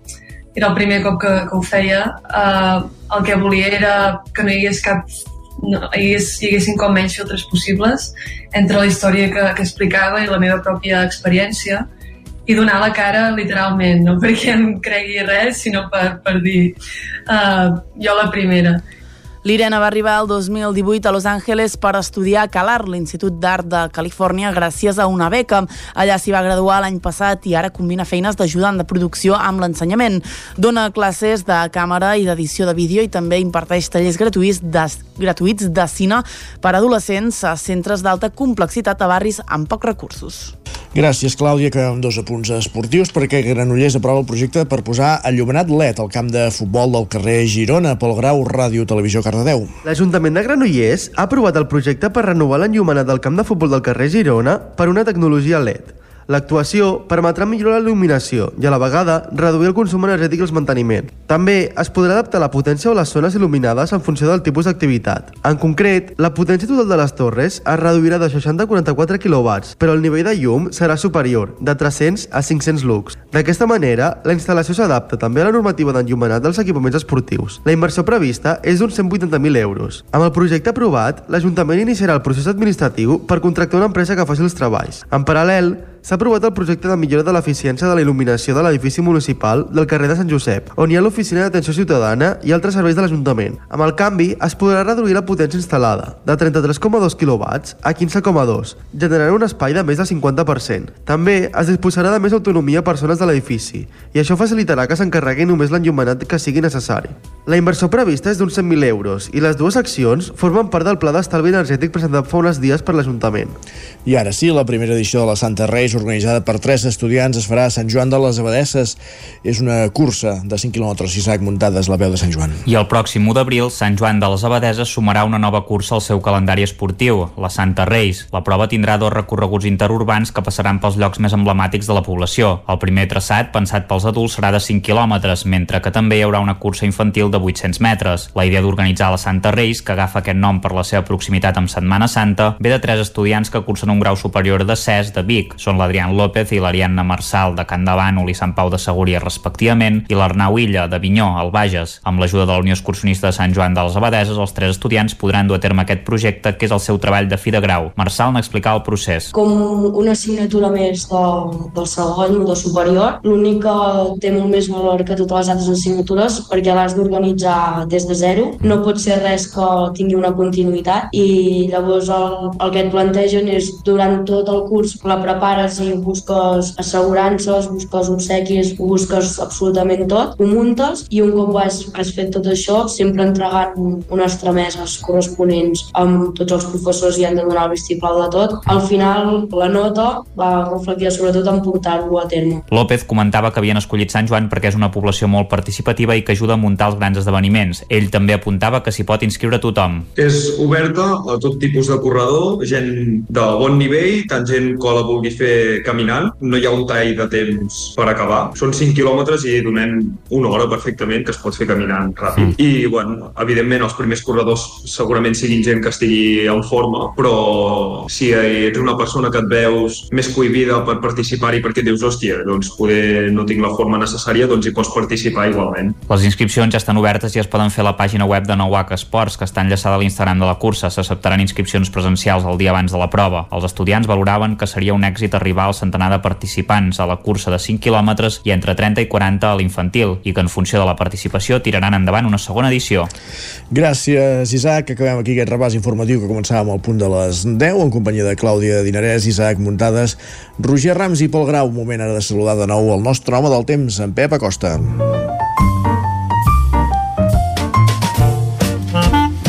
Casa Terradellos us ofereix el temps. Perquè volem saber com evolucionarà meteorològicament la setmana, avui que entrarem a la primavera. Pep, benvingut de nou, bon dia. Hola, molt bon dia. Uh, avui a nit, temperatures que són bastant normals per època de l'any, només alguna petita glaçada, alta muntanya, la majoria de mínimes entre els 3 i els 7 graus. Uh, al peritoral, alguna temperatura ja per sobre dels 10 graus. I avui serà un dia uh, molt tranquil, uh, aquesta mica d'inestabilitat aquest cap de setmana uh, se'n va, i l'anticicló ens dominarà durant dies i dies. Entre aquesta falca anticiclònica a tota la, la Mediterrània uh, occidental i per tant no tindrem gairebé cap, cap variació amb el temps durant tota la setmana. Uh, avui per això les temperatures bastant normals per l'època de l'any, la majoria màxima és entre els 15 i els 20 graus, però a mesura que vagi passant la setmana aniran pujant les temperatures i seran ja uh, a mitja de setmana clarament més altes del que haurien de ser. Eh? Per tant, uh, unes temperatures que sobre la sequera que ja es van disparant, per tant, molt, molt, un ambient eh, molt, molt, molt dolent i molt males notícies durant tota aquesta setmana perquè de l'anticicló no plourà ni una gota i les temperatures seran més altes del normal. I això és tot. A disfrutar aquest dia i recordeu, eh, avui a les 8 i 32 de la nit arriba la primavera. Vinga, moltes gràcies. Adeu. Doncs ens ho apuntem. Avui arriba la primavera. Gràcies, Pep. Parlem demà. Bon dia. Casa Tarradellas us ha ofert aquest espai.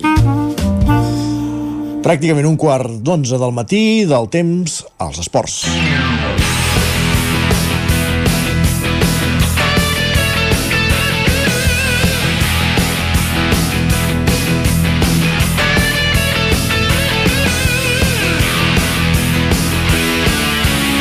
Perquè és moment de repassar com ha anat la jornada esportiva del cap de setmana pels equips interessos, pels interessos dels equips de les nostres comarques. Uh, ja sabeu que és un repàs que fem amb roda per les diferents emissores del territori 17, un repàs que comencem als estudis de Ràdio Televisió Cardeu. Allà ens hi espera un matí més. En Pol Grau, benvingut, bon dia. Bon dia. Què? Com ha anat el cap de setmana? Com ha anat esportivament parlant? Doncs tenim resultats variats. Doncs Comencem va, a, tercera, a tercera catalana amb el filial del Cardedeu, ja que el primer equip no jugava aquest cap de setmana, on el filial va guanyar per 3 a 1 davant del Santa Eulàlia de Ronçana. Els cardedeuens que es van posar 3 a 1 al marcador fins als últims 10 minuts, on al minut 90 els visitants van marcar l'únic gol del partit per ells, el 3 a 1. Això fa que el Cardedeu pugi fins a la no- novena posició amb 29 punts i a tercera catalana, mateixa lliga, tenim el Llinàs, que va empatar contra el Palau Tordera els locals que es van, anaven perdent tot el, durant tot el partit fins al minut 89 on van aconseguir marcar el gol de l'empat, el 1 a 1. Això fa que es quedin a la dotzena posició amb 24 punts. A primera catalana tenim el Granollers, que jugava fora de casa contra el Parets, on va empatar a 0 el partit. Eh, això fa que es quedi a la segona posició, ja que el Figueres, que era el seu perseguidor, també va empatar, i estan els dos amb 38 punts.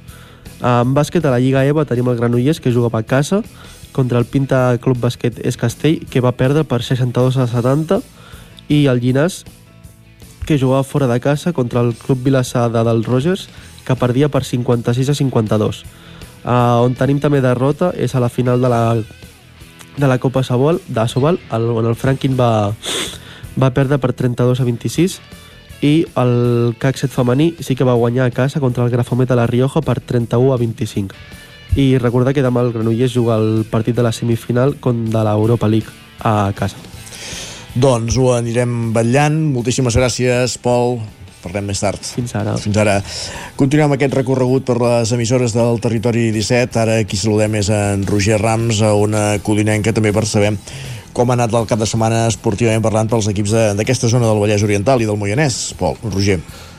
Doncs sí, fem una mica de repàs, hi ha hagut també una mica de tot, no exempt de polèmica tampoc, per tant anem a, anem a repassar-ho. Comencem parlant de futbol. A la primera divisió catalana, el Caldes va treure un valuós empat a dos a la seva visita al camp del Manlleu, amb un partit en què els usonencs es van avançar al marcador, però abans de la mitja part el Caldes ja va aconseguir revertir aquesta situació, col·locant dos gols obra de Carles Valls i de Marc Angelet.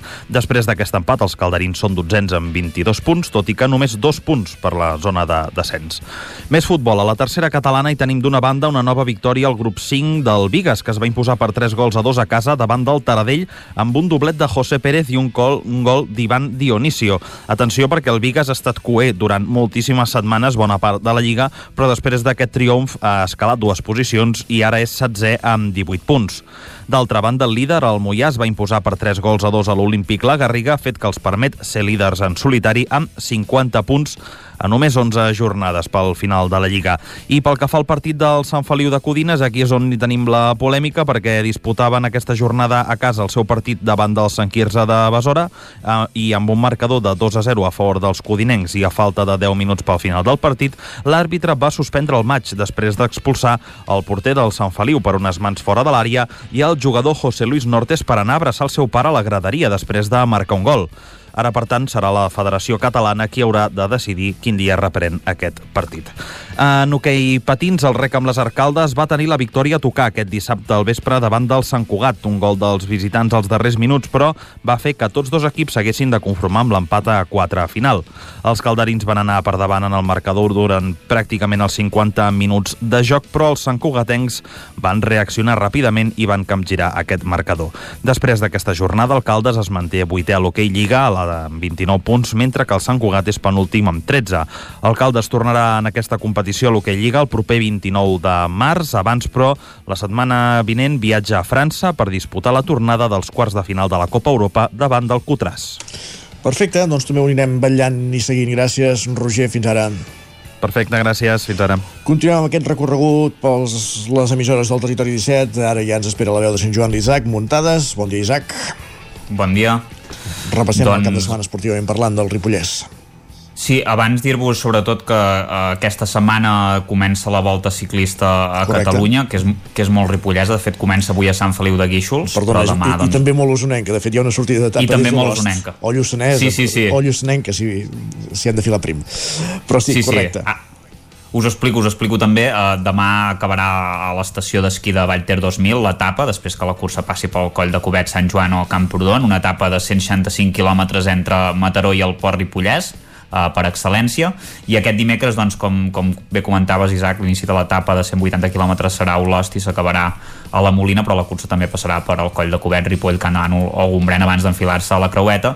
I dijous l'última etapa que passarà pel Ripollès de Llívia a Sabadell 188 quilòmetres eh, hauran de passar per la Collada de Toses, Ribes de Freser, Can d'Ànol i Ripoll abans d'entrar a Osona per la zona de, de tot el, Lluçanès. Eh, ja us anirem explicant com, com s'anirà desenvolupant aquests dies. I parlant de, de futbol, eh, anant al grup 18 de la tercera catalana, la Badesenc va aprofitar el seu encert de cara a porteria i un bon inici de partit per derrotar el Sant Privat d'en Bas per 1 a 2. Els Sant Joanins es van avançar només xiular l'àrbitre a l'inici del partit amb un gol d'Arimany en pròpia porteria. Al minut 20 Àlex va transformar un penal per doblar l'avantatge i a la segona part sí que van patir una mica més amb un gol de- d'Adrián, una jugada d'estratègia, però els 3 punts van anar cap a Sant Joan i la Badesenc continua segon amb 47 punts però a 10 de la primera posició. El Canal per la seva banda no va passar de l'empat a 0 contra l'Americau fins a la sisena posició amb 41 punts i això que els locals van jugar amb un home més per l'expulsió de Pol al minut 33 de partit però no van inquietar pràcticament la, la porteria de la Mer que sí que va tenir un xut de, de falta al travesser. Uh, per tant, oportunitat perduda pel Canal d'atrapar un rival directe a la classificació. I el Camprodon va fer valer la seva superioritat per derrotar el cué de la categoria a casa, el Santa Pau, en un partit en què va ser millor. A la primera part ja guanyàvem per 2 a 0 gràcies a, a les dianes d'Abden, aprofitar una errada del porter i amb un gol des del mig del camp. Pi va reduir distància a la segona part i Lluc va sentenciar a l'últim minut. El Camprodon és novè amb 31 punts i ja sense opcions ni de, ni de pujar ni de baixar. I per acabar, la Lliga de Nacional Catalana d'Hockey Patins, l'Hockey Club Ripoll, va derrotar el Cerdanyola a domicili eh, 2 a 5 en un partit molt intens, va fer un gran partit al Ripoll, Aparicio amb un doblet i Martín Solà i Vidal Carlón van ser els autors dels gols i amb aquesta victòria el Ripoll se situa líder de la segona fase d'aquesta eh, promoció d'ascens amb 22 punts i pràcticament amb una victòria més ja s'assegura la permanència matemàtica un any més en aquesta categoria. Gràcies, Isaac. Parlem d'aquí una estona amb la tertúlia. Fins aquí una estona. Fins ara. I acabem aquest repàs als estudis del 9FM, on un dia més ens espera l'Aleix Castells. Bon dia, Aleix. Bon dia, Isaac. Com ha anat la jornada esportiva al cap de setmana? Doncs bastant bé i comencem justament amb la golejada del Vic Riu primer per 7 gols a 0 contra l'Algaida a primera divisió nacional. En aquests moments l'equip biguetà perdó, se situa en quarta posició a 4 punts del Sant Gabriel. En categoria masculí, el Tona va trencar una bona ratxa i va caure per 5 gols a 2 al camp de la Pobla de Mafumet, però tot i així segueixen els 9 punts de distància respecte a les posicions de descens. A primera catalana, el Torelló va perdre el camp del Lloret per 4-1 i la permanència es comença a complicar, ja són 6 punts respecte al Bescanó que marca la plaça de salvació. Pel que fa al Vic, va vèncer per 2 a 1 contra el Bosc de Tosca i el Manlleu que va empatar a dos gols contra el Caldes i pel que fa al Vic uh, ja és quart amb 37 punts i el Manlleu és setè amb 29 i la tercera a tercera destacar perdó, el set en blanc del Tona contra el Navàs per recuperar doncs, aquesta segona posició de la classificació del grup 5. A l'Hockey Lliga masculina, el Voltregà, que va caure golejat contra el Reus per un gol a 4 i se situa a només dos punts a les posicions de perill de descens d'aquesta Hockey Lliga. A la divisió de plata, el Manlleu i el Taradell que van guanyar amb comoditat per 9 a 3 i 6 a 3 respectivament, mentre que el Vic es va deixar remuntar i va acabar empatant a 4 gols contra el Sant Feliu. A l'Hockey Lliga Femenina, el Voltregà treu un punt contra el Liceo, que justament va ser el conjunt que el dia anterior va jugar contra el Manlleu en competició europea i va vèncer per un gol a 3. En bàsquet, destacar la victòria patida, però victòria del Club Bàsquet Vic per 83 a 78 contra el Castell de Fels, que el segueix situant com a segona a la Lliga amb el mateix balanç de victòries i derrotes que el Mataró. I canviem de tema i anem cap a la part poliesportiva amb l'èxit absolut de la Ultra Clean Marathon que va recollir 663 quilos de residus i va recaptar més de 12.000 euros. Els equips... És uh... important la recaptació, però Sí, també, diu, també diu moltes coses que haguem de recollir 663 quilos passejant, eh, corrent per pistes forestals, per muntanya, per bosc, en fi. Eh, Sí, no sé si és una bona notícia o no, no? Depèn de com diu tu miris. molt poc de nosaltres com a condició humana, però Exacte. vaja, eh, eh, aplaudim evidentment la, la iniciativa. I els equips que van vèncer van ser el set de Corre i Consciència pel Planeta, que es van imposar doncs, a les curses de 60 i 36 quilòmetres. I vam tenir a més també dues curses d'orientació. Per una banda, a Thomas Wilson i Anabel Ballador, que es van proclamar campiones de Catalunya d'orientació nocturna que va tenir lloc a Ceba i el Brull i la Universitat de Vic doncs, també va organitzar una cursa d'orientació també benèfica on, com ja vam dir en l'últim programa, tots els beneficis van anar a parar cap a Open Arms. I ja per anar tancant la part poliesportiva, doncs la doble victòria del Club Patinatge GURB a la seu d'Urgell en la modalitat de xous organitzats per la Federació Territorial de Patinatge Artístic. El conjunt gurbatà, que hi va participar tant en el quintet com en el grup de xou primària, va aconseguir la primera posició en les seves respectives categories, superant el Berguedà, el Trem, el Tàrrega, l'Andorra i el conjunt anfitrió, el Cadí i la Seu. El proper campionat es disputarà el proper 1 d'abril a Gironella. Doncs déu nhi l'activitat que hi ha hagut també aquest cap de setmana, destacant aquestes dues curses solidàries i, i els marcadors, doncs fi, que reflecteixen el que reflecteixen, aquesta situació que es complica pel Torelló en aquest seu en aquest seu eh, primer any a la, a la primera catalana i el Voltregà d'hoquei, una de freda i una de calenta després de guanyar la setmana passada a Lleida doncs ahir caia amb el Reus i torna a estar prop de la zona de, de perill. Aleix, moltíssimes gràcies un dia més. A vosaltres, que vagi bé. Avancem al territori 17 després d'aquest repàs a l'actualitat esportiva del cap de setmana. El que farem nosaltres serà res, fer una petita pausa per la publicitat, però tornem de seguida amb en Guillem Sánchez, recollint el més destacat que ha trobat a Twitter, segurament a partir, segurament dedicat a aquest Barça 2 Madrid 1 d'ahir, i que també serà el protagonista de la tertúlia esportiva que farem just després de les pilades, a partir de dos quarts i cinc minuts d'11 del matí aquí al Territori 17, avui amb l'Agustí Donés, l'Isaac Muntades, en Lluís de Planell i en Pol Grau. Fins ara mateix. El nou FM, la ràdio de casa, al 92.8. Mercat del Ram, un ramat de mercats. Diverteix-te, viu la cultura i les tradicions, cultiva relacions, impulsa el teu negoci, gaudeix de la música i la gastronomia. Mercat del Ram de Vic, del 31 de març al 2 d'abril. Ja saps quin és el teu mercat? Troba'l a vicfires.cat. Bon dia, us truco del servei tècnic oficial de Bailand. Hem detectat que la pressió de la seva caldera està baixant. No me n'havia adonat. Com es pot solucionar? Ho resoldrem en uns minuts. No espereu més. Amb el servei de manteniment ServiPlus Connect de Bailand, preocupeu-vos del que realment importa. Nosaltres ens encarreguem de la vostra caldera. Informeu-vos a connectivitat.bailand.es.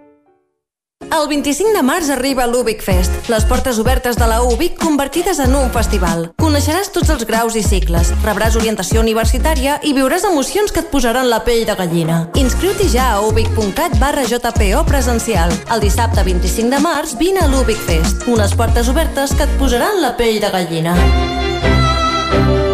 A Boi Galtés trobaràs tot el que necessites relacionat amb l'equitació, t'assessorem i t'equipem amb tot el que et faci falta. Som especialistes. No ho dubtis i vine a Boi Galtés. Ens trobaràs al carrer Jaume I de Vic, número 5, al 93 886 1420, a la nostra web www.boigaltés.es i també som a Instagram, boigaltés.equitació. Cefusol, centre de formació de soldadura GURB. Som especialistes en processos de soldadura. Disposem d'instal·lacions totalment equipades per a classes de teòrica i pràctica amb cabines individuals i equipaments de seguretat. Assessorem empreses i oferim cursos subvencionats i bonificats. Vine i t'informarem. Cefusol, som al carrer Sant Roc, número 9 de GURB. Telèfon 664 206 192. També ens trobaràs a cefusol.com i a YouTube. Ser a prop vol dir veure les coses més bé. Apropa't al que t'interessa amb la xarxa Més. La teva plataforma audiovisual de qualitat, proximitat i gratuïta. Gaudeix dels continguts de més de 30 televisions locals i podcast quan, com i on tu vulguis. Entra a la xarxa més.cat i descarrega't l'app. Cocodril Club. Si t'agrada la bona música dels anys 60, 70 i 80, escolta el 9 FM als matins de dissabtes i diumenges d'11 a 1. És el temps del Cocodril Club, tot un clàssic de la ràdio, amb les bases del pop-rock, les llegendes, les cançons que s'han convertit en autèntics himnes. Recorda, dissabtes i diumenges al matí, d'11 a 1, al 9 FM 92.8. Cocodril Club, el programa revival de l'Albert Malla. Hasta luego.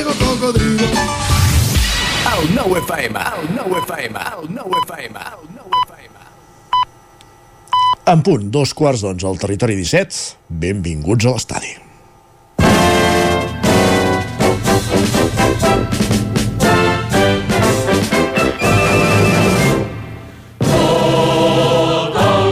Sánchez, suposo que avui fas monogràfic de piulades, oi? Bon dia. Monogràfic no, però un 65,7% sí que tenen a veure amb el partit de- d'ahir al vespre. Molt bé. T'he de dir que no me l'esperava, aquesta, eh? Oh, nois. Hi ha molta preparació, no, darrere? Ja ho veus, hi ha aquí un equip de guió. En, en tinc un altre per la tertúlia, tranquil. Perfecte, doncs va, uh, sí, després del partit d'ahir sembla que els barcelonistes han sortit de sota les pedres també a, a Twitter, tot i que hi havia gent, a Isaac, que abans de començar el partit no les tenia totes. Llegim en Marc, que ens deia la porta desenfrenat, Pedri lesionat i la matraca amb la samarreta de la Rosalia. Escenari perfecte perquè avui ens fotin una bona pallissa. És un Doncs, barcelonista 100% aquest, eh? que no ho veu clar sí, però- abans de començar i que llavors ho celebra com l'aficionat més aficionat del Futbol Club Barcelona. Perquè va la cosa d'anar al Cantó Dur, eh? també hem de dir-ho, però bueno, hem de ser conscients. Va, però al final això es va el arreglar. Barça va resoldre el partit al minut 90 i Ramos, en dèiem abans. Sí, de fet, això al final es va arreglar pels interessos del Barça. Llegim en Jaume que ens comentava només els nostres pares i avis saben el que han arribat a robar aquesta gent sense televisió i sense bar als camps. Anda que no es va posar bé la primera repetició del gol d'Asensio, sí. quan veus que potser estaven fora de joc, sí. aquella pell de gallina que se't posa, dius, ostres, ostres que bé. Ostres. L'Ancelotti encara no ho veu clar, eh? però vaja, en fi. No, i de fet em sembla que algú que tinc aquí fora, l'Agustí també ens feia un tuit de, vinculat amb aquesta qüestió que ens deia el més curiós de la polèmica del gol anul·lat al Madrid és comprovar que abans les queixes eren pels errors i ara les queixes són pels encerts. Veus? I tant, i tant que sí. De fet, és una tesi que fa dies que ho va defensar en la tertúlia. Sí. Va, i la Judit també ens comentava després del partit, diu, encara ha sortit un, encara ha sortit un clàssic prou interessant. Home, doncs Oh, sí. tant, va quedar maco, Doncs va, quedar, sí. va quedar maco. I sembla que ahir el Barça les tenia totes de cara i si no, atenció a la valoració d'aquest usuari que ens diu estem en un moment que anem a judici amb Dembélé d'advocat i també guanyem. Visca el Barça. és molt fàcil, eh, com tot va de cara. Estudia dret amb Dembélé? No, deu estudiar assegut, però tampoc deu estudiar gaire. Per tant, jo millor que no, que no anem amb ell d'advocat a- al lloc. Tot i això hem de pensar que hi ha gent a qui no li interessa o li agrada el futbol i ah, sí? ahir devia haver d'aguantar dues hores de clàssic amb familiars, amb amics o, o amb altra gent. O no. Com és el... Cadascú el seu espai. Com és el cas de la Montserrat, que ens deia anant a dormir sense saber quina cara foten que sí, però contenta perquè vosaltres esteu molt contents. Veus? doncs mira, Això ja està. Amb això n'hi ha prou. I com sempre que hi ha un clàssic, això que en remarca l'Arnau Tordera també és una tradició, diu petards a tona. No sé Veus? si em va sentir en alguna altra població, tu, Isaac. Jo hi no. No? No. Cas que potser era massa tard. Val a no dir sé. que quan vaig a veure futbol vaig a un lloc que està una mica allunyat dels nuclis urbans i... Per tant, és més, és més complicat, no? Exacte. Però va, canviem de tema i el mateix dia de partit ahir diumenge també se celebrava la marató a la mateixa ciutat, a Barcelona. La veritat, Ah, sí? és, la veritat és que molta gent, hi ha molta gent amb ganes de, de córrer, potser masses, i d'altres amb menys energia, com el cas de l'Andreu, que ens diu a Barcelona hi ha gent que aquest matí ha fet una marató i jo, de moment, m'he fet un cafè amb llet i he mirat tres rondes del 3.24. Jo sóc més dels de l'Andreu, em sembla, també. No sé què és més cansat eh, de les dues coses, si fer una marató o mirar tres rondes seguides del 3.24. Bueno, eh? Això també... Diam, el, el 324 va fent i tu vas fent altres coses. sigui treure la pols, sigui remenar el mòbil, no? Correcte, correcte, va. I aquesta de la Marta també és bona, ens diu em fa gràcia que cada any la gent expliqui que el pare és el que cria i no el que engendra, com si Sant Josep no fos de per si un clar exemple. Mare de Déu. Home, ahir potser massa, eh, també, dia del pare. Sí, home, sí. Massa, massa. Això dels dies de ja fa... Un Sant Josep sí, un Sant Josep sí Ja que s'accepta i una bona crema de Sant Josep, això, Això sí, però, sempre. però un dia del pare, ostres, a vegades això cansa una mica. Va, i m'ha encantat el missatge també de la Tina d'aquest dilluns que ens escrivia faig servir tant, tan poc Instagram que ara mateix m'he donat que van intentar lligar amb mi fa 20 setmanes. Diu, queda molt passat de pantalla, oi, si li contesto ara? Home, que ho provi. Un no sempre el tens, Potser l'altre ja va de tornada de, tre de tres intents més. Evidentment, evidentment. Va, recordeu que avui o demà, ara tinc el dubte, eh, Isaac, és un dia gran. Ens escriuen bon dilluns perquè avui comença la millor estació de l'any, la primavera. És avui o és demà? Aquesta nit. Aquesta nit. Pep, Per tant, si és avui, diem que és correcte. Avui és l'últim dia de l'hivern. Va, perfecte. I amb la Marta, quan arriba aquesta època de l'any, també podem jugar a un joc ben i ben curiós. Què diu la Marta? Ah, sí, la primavera, aquella època de l'any que em passo jugant al joc d'intentar endevinar si la tristesa i el cansament que tinc són per culpa de l'estènia primaveral, per l'ansietat i la depressió o perquè estic cansada de tot en general. Carai. Ostres, t'has de posar un partit del, del Barça si Exacte, que recuperes anava a la dir, recomana energia. l'eufòria, sí, sí. Va, i acabem amb la reflexió dels dilluns de l'Èric. Si voleu ser feliços, seguiu els seus consells. Ens diu, l'única cosa necessària per afavorir el benestar personal era passar una tarda de dissabte en un celler amb els teus col·legues i a quarts de 12 estar al llit per gaudir de 10 hores de son sense interrupcions. Massa son. Massa son, S'ha de quedar per veure Llavors partits. i encara per... arribes més cansat. Correcte, No correcte. descanses prou. Va, salut, Isaac. Gràcies, Guillem. No marxis, espera't. No marxo. Eh, que t'he dit que en tenia un altre de punt de cançó per la tertúlia? I què et sembla aquesta? Suprem. Última tu mami, besa mi tatami, gigalo tsunami. Oh, última tu mami, vino la yigami, cruya lo sashimi. A cada copia que ves, tú dale tu bendición. Y yo no quiero competir, si no hay comparación. Con la cadena hasta el pie, de diablo al corazón. No te creas que sweet, tu bombón lleno de licor.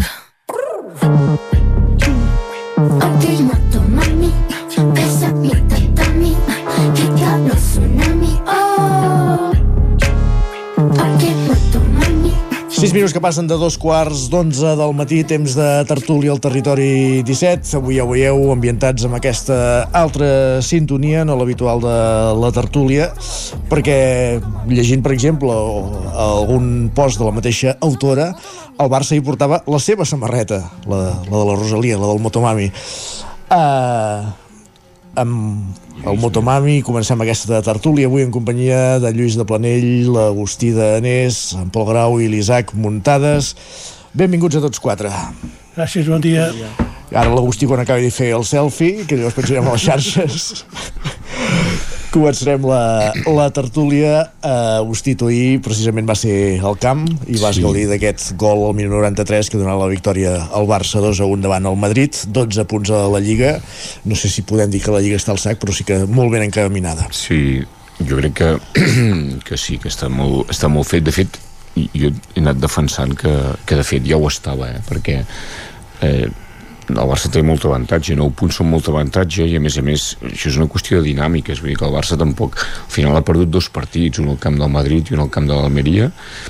És un equip que no desplega un gran, un gran joc però que és fiable i això al final en aquestes competicions de llarg recorregut és el que s'acaba imposant. Per tant el partit d'ahir em sembla que, que d'entrada era només vital pel, pel Madrid en el sentit que, que si perdia la Lliga estava liquidada i si guanyava el Madrid la continuava tenint guanyada el Barça no? A més el partit van passar moltes coses que el Madrid es va avançar molt d'hora el Barça va saber remuntar i va haver aquesta acció novament com va passar la setmana passada a Bilbao aquesta acció determinant del Bar que al final avala la meva tesi que és que el gran canvi del futbol i el gran canvi pel Madrid és aquest, és el Bar que això fa que, que aquestes decisions que sempre que, queien d'un cantó doncs ara s'ajustin a, a la realitat. Clar, és que aquest és, és el gran canvi. I, i això eh, provoca un, una qüestió gairebé curiosa, que és que abans, quan el Barça sempre perdia, el Barça es, es solia queixar dels errors.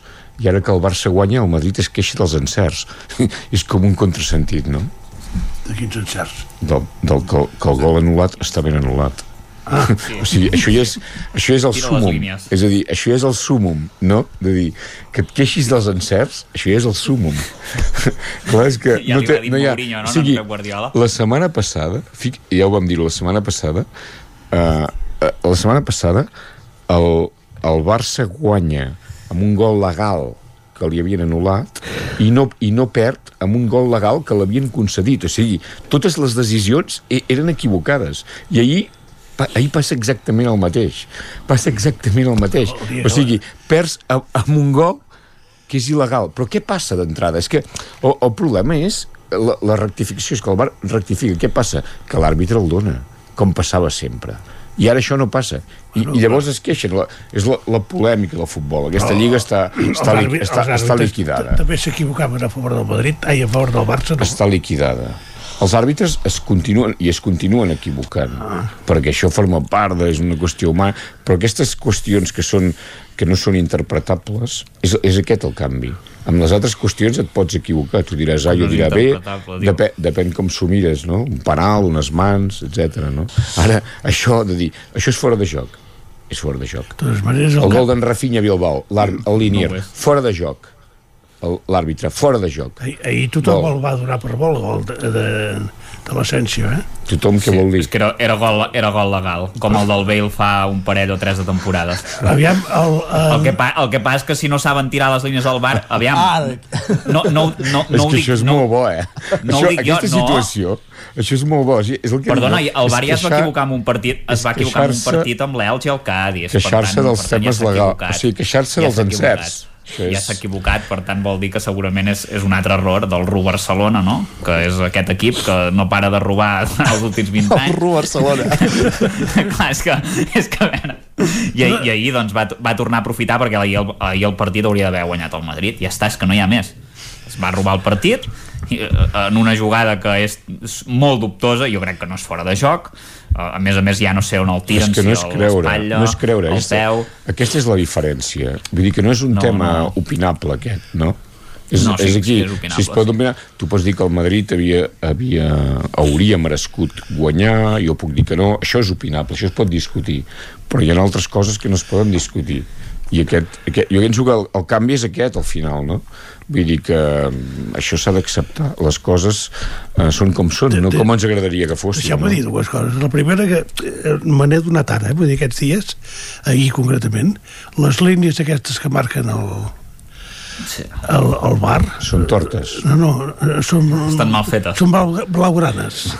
Jo no sé si els va fer Negreira, perquè era el, el, Sí. el vicepresident del, del comitè tècnic d'àrbitres en aquell moment i, i sí, eh, allò, psicològicament va, va això ho pensar en blaugrana. Això ho canvia tot. Sí? Sí? El, bar, el bar ho canvia tot perquè, perquè just i al final 12 punts són Sí, molts. just. Són 12 punts Com són, els 20 anys d'en Negreira. 12 punts són molts punts i aquest tema ja el vam comentar la setmana passada, el podem continuar comentant, No, però no, no, és que el comentarem cada setmana, Agustí, Aquest fins que no tema- estigueu sancionats i, i aquest- descengueu administrativament aquest tema- fora de la Champions, cada setmana acabarà amb res comentant. perquè no hi ha res i ja està. Bueno, ja ho veurem. Ja ho I, el.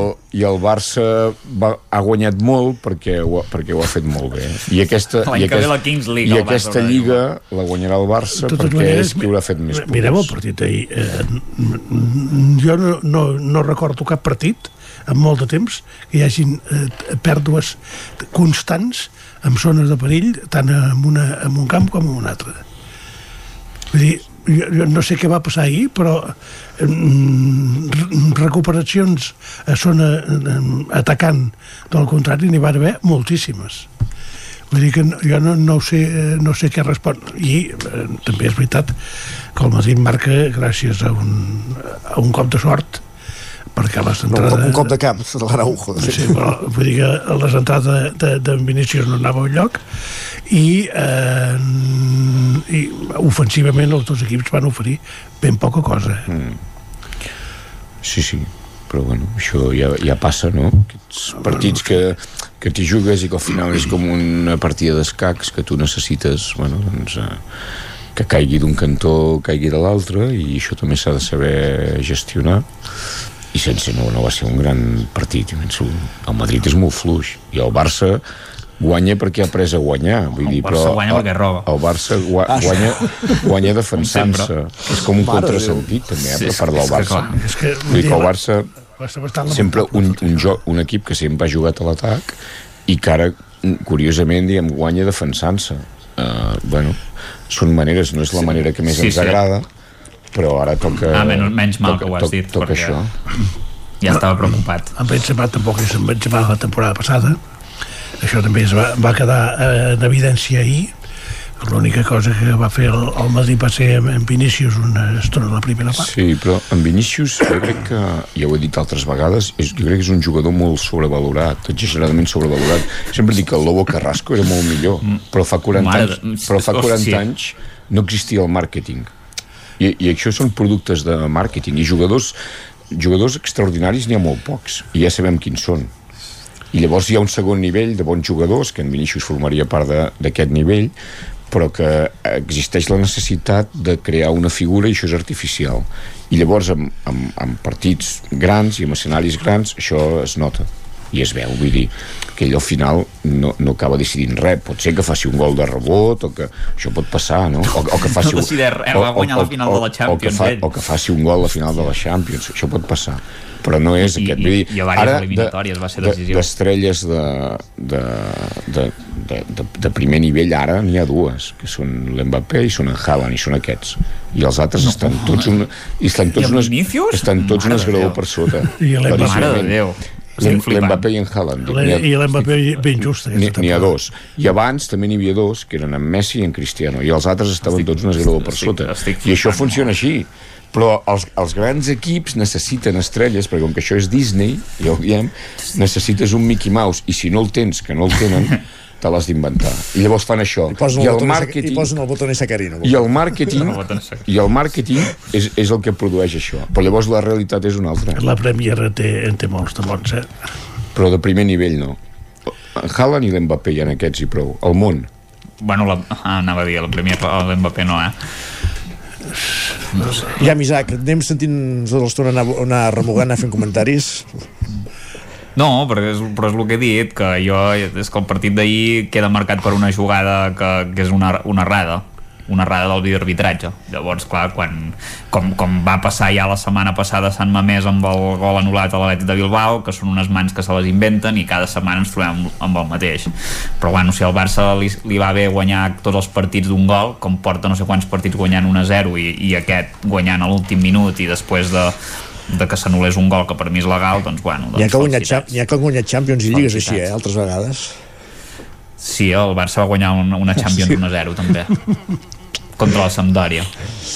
A la pròrroga, patint No amb era- un gol de falta. Sí, no- també, també. no era- Vull dir, ja, no- ja és això, és, és Però l'estil del Barça, no? Sí, per no ser no era ni Champions, però bueno. Bueno, és, Copa de, és igual, Copa d'Europa, Champions... Bueno, no, sí que era Champions, crec que era el primer any de la era l'últim- Champions, era no? Copa 92? d'Europa. Era l'últim de Copa Ah, d'Europa. o l'últim de Copa d'Europa, bueno, estava, estava allà, allà, tau, tau. Però és igual, vull dir, no, és que no, no perdré gaire el temps avui, perquè és que no... Altres coses tenia que fer ahir, no ho sé. Hi havia, hi havia coses més interessants. Ben fet. Dir, que el, No has veure el clàssic, de no sé. Fernando, també? En Fernando, l'Alcaraz, bueno, gent Que de també és del veritat Madrid, que juga que li sense van fer treure el trampes. tercer podi. I Aquí, el, tornar. el, el Bar també va actuar amb Fernando Alonso, ara que ho diu, si és veritat, ja ho diu en Pol. Sí, però al final el va, es va demostrar que no, que tenia raó i va acabar tercer un altre cop. Totes maneres, eh? S'haurien de rearbitrar, veus? Això estaria bé que els partits es rearbitressin i, i que avui sortís algú i digués doncs no, rearbitra des del minut 83 però llavors, un gol del llavors Madrid i re, un... es rearbitraria per totes les bandes, també, eh? Bueno, però és que ahir la jugada polèmica és aquesta que incideix en el marcador directament. Com fa un parell o tres d'anys que hi va haver un gol anul·lat al Madrid al Camp Nou amb 0-0 un gol de Bale, que és igual, aquella lliga no afecta perquè el va guanyar el Madrid, però hi va haver un gol anul·lat que se'l van inventar també amb un, amb un fora de joc inexistent.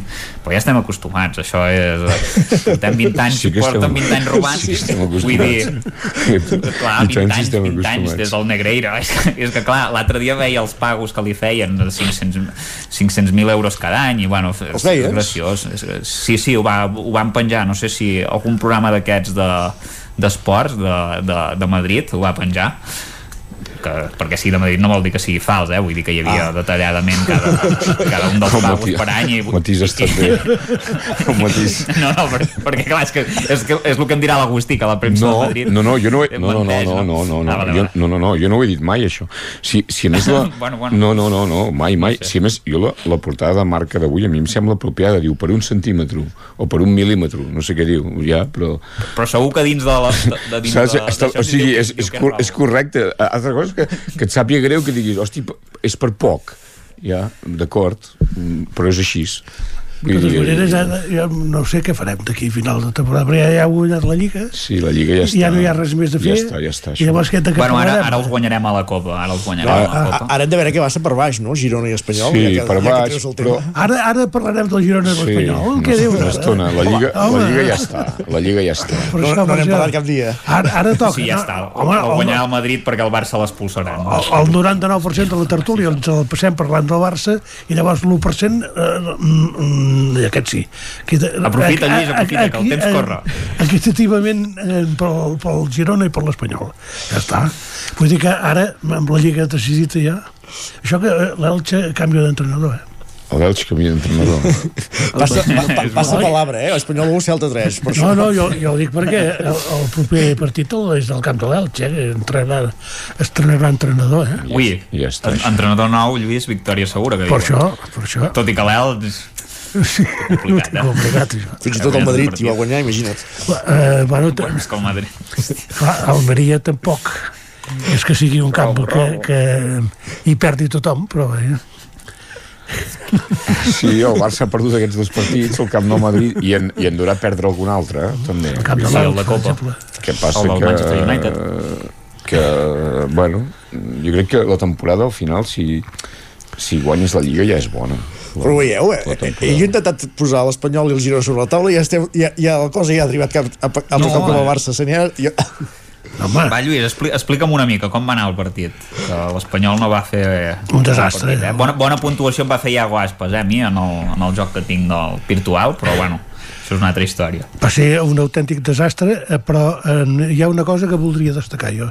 El, l'El, el, perdó, el Celta eh, va estar pràcticament tota la primera volta en posició de descens. Els últims cinc partits eh, em que n'ha empatat dos i n'ha guanyat tres.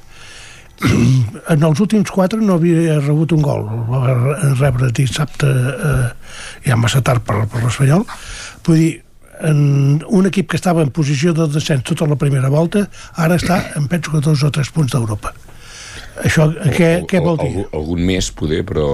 no gaires més, eh? Sí, sí, està 7, 7 o 8. Vols dir tants? No. Sí, Celta 34 fas i Villarreal números 41. No, però és el setè, eh? Perquè també hi ha això de la Conference League aquest, vull dir que... No. El Celta va de 0, 34 De punts. I l'Atlètic 7 amb 36, 2. És comptant el setè a la, conf a la conferència. Clar. No, no, I l'Europa- l'Espanyol està no un per sobre del descens, ara mateix. Doncs, eh, en, o sigui, aquesta reacció que ha tingut el Celta el pot tenir qualsevol equip. Jo espero que, que també ens toqui a nosaltres i que per això hem de millorar moltíssim el que vam fer dissabte, que va ser un autèntic desastre. en potser de futbol en vam jugar més que no pas el Celta, però el Celta va tenir pràcticament tres arribades i va fer tres gols. Vull dir que el, el futbol es compta amb aquestes coses. I llavors al minut eh, 50 en José Lu, que aquesta eh, temporada doncs està rendint a un gran nivell i per això és, és a la selecció avui mateix. Doncs va tenir una ocasió claríssima per entrar a l'equip al, al, al partit. Aquesta vegada no va entrar i eh, la, les coses van anar pel, pel pedregar. Vam jugar francament eh, malament eh, tenim un problema amb, amb defensa ara que tenim porter ens continua marcant gols i eh, aquesta sangria és el que hem d'evitar i això és gràcies a que el Barça ha guanyat la Lliga que puc, és la ve- vegada que he pogut parlar més estona de, dels pericos des de que sóc aquí des de fa no sé quants anys eh? I, i, i vas poder veure el, aquell jugador del Celta, el Gabri Veiga aquest, que se'n parla tant, que, sí, sí. que és, el, És- és, és- bo, aquest nano. és un fenomen. Diu que ja està al radar del Madrid, eh? és un fenomen I, Ja l'espatllarem, doncs. i esclar en, en nosaltres en, en, en, en Veiga aquest en, es va beneficiar del de, el problema que tenim nosaltres que són els dos laterals que mm, sense el Brian Olivan doncs eh, amb en Brian Olivan només ens falla un sense en Brian Olivan ens van fallar tots dos i llavors per bandes el- l'Elx va poder entrar. Tant aquest nano com en, en, en l'Aspas van poder entrar com, com els hi va semblar i eh, llavors vull dir, amb una defensa més, més sòlida llavors aquest nano no sé si hauria fet el, el, el que va fer però si jo haig de jutjar per l'únic partit que li he vist en directe és un nano que em va agradar molt i tinc entès que, està no, no sé si juvenil encara eh? vull dir que és un, és un nano que apunta, apunta Pol, eh, 2 a 2 al camp del Rayo anar sumant puntets, eh? Sí, no, vaig veure molt per sobre el partit perquè estava UP, jo, però el que sí que vaig veure són les mans al minut 90, que el Bar crec que no les va veure, que com el Barça classifica la Lliga, però el Girona classifica pels errors del Bar, crec. Exacte. Però no ho sé. O sigui, ens van pitar un, la setmana passada contra el Getafe nosaltres i ara Vallecas no, no apareix.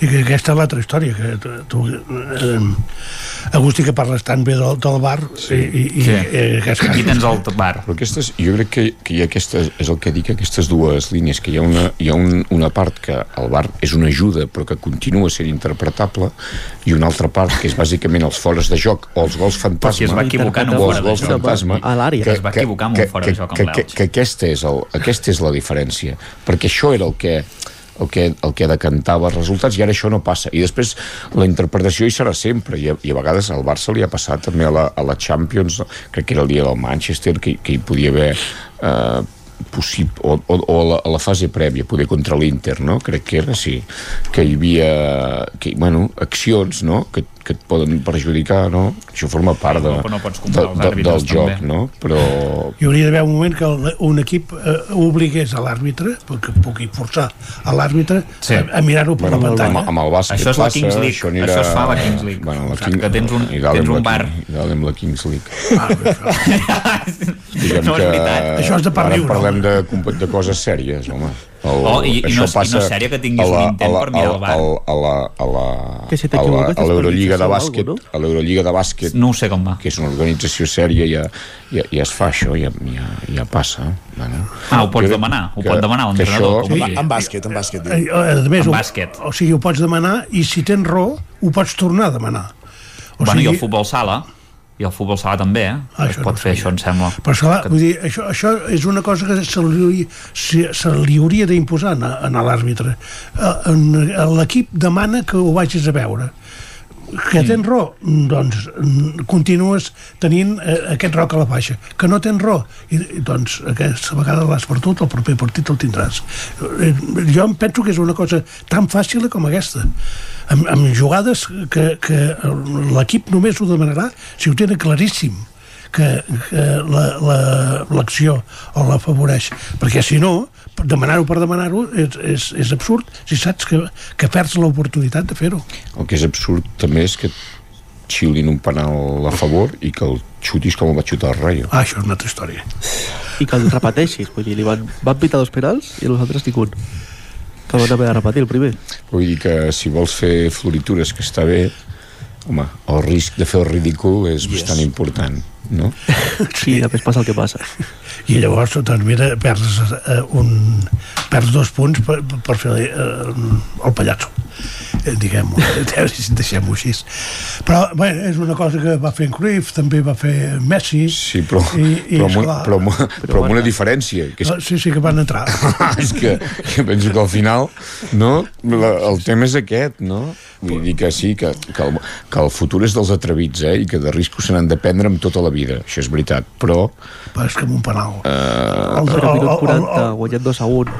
el davanter té massa avantatge amb, amb un sí, penal és que la té tota és que és això, és que eh, vull dir, no, ja, no sé una, estratègies amb, amb, amb faltes i tot això i, i hi crec més, però amb el penal o sigui, si el llences bé és, és gol, vull dir, el porter contrari pot fer el que vulgui.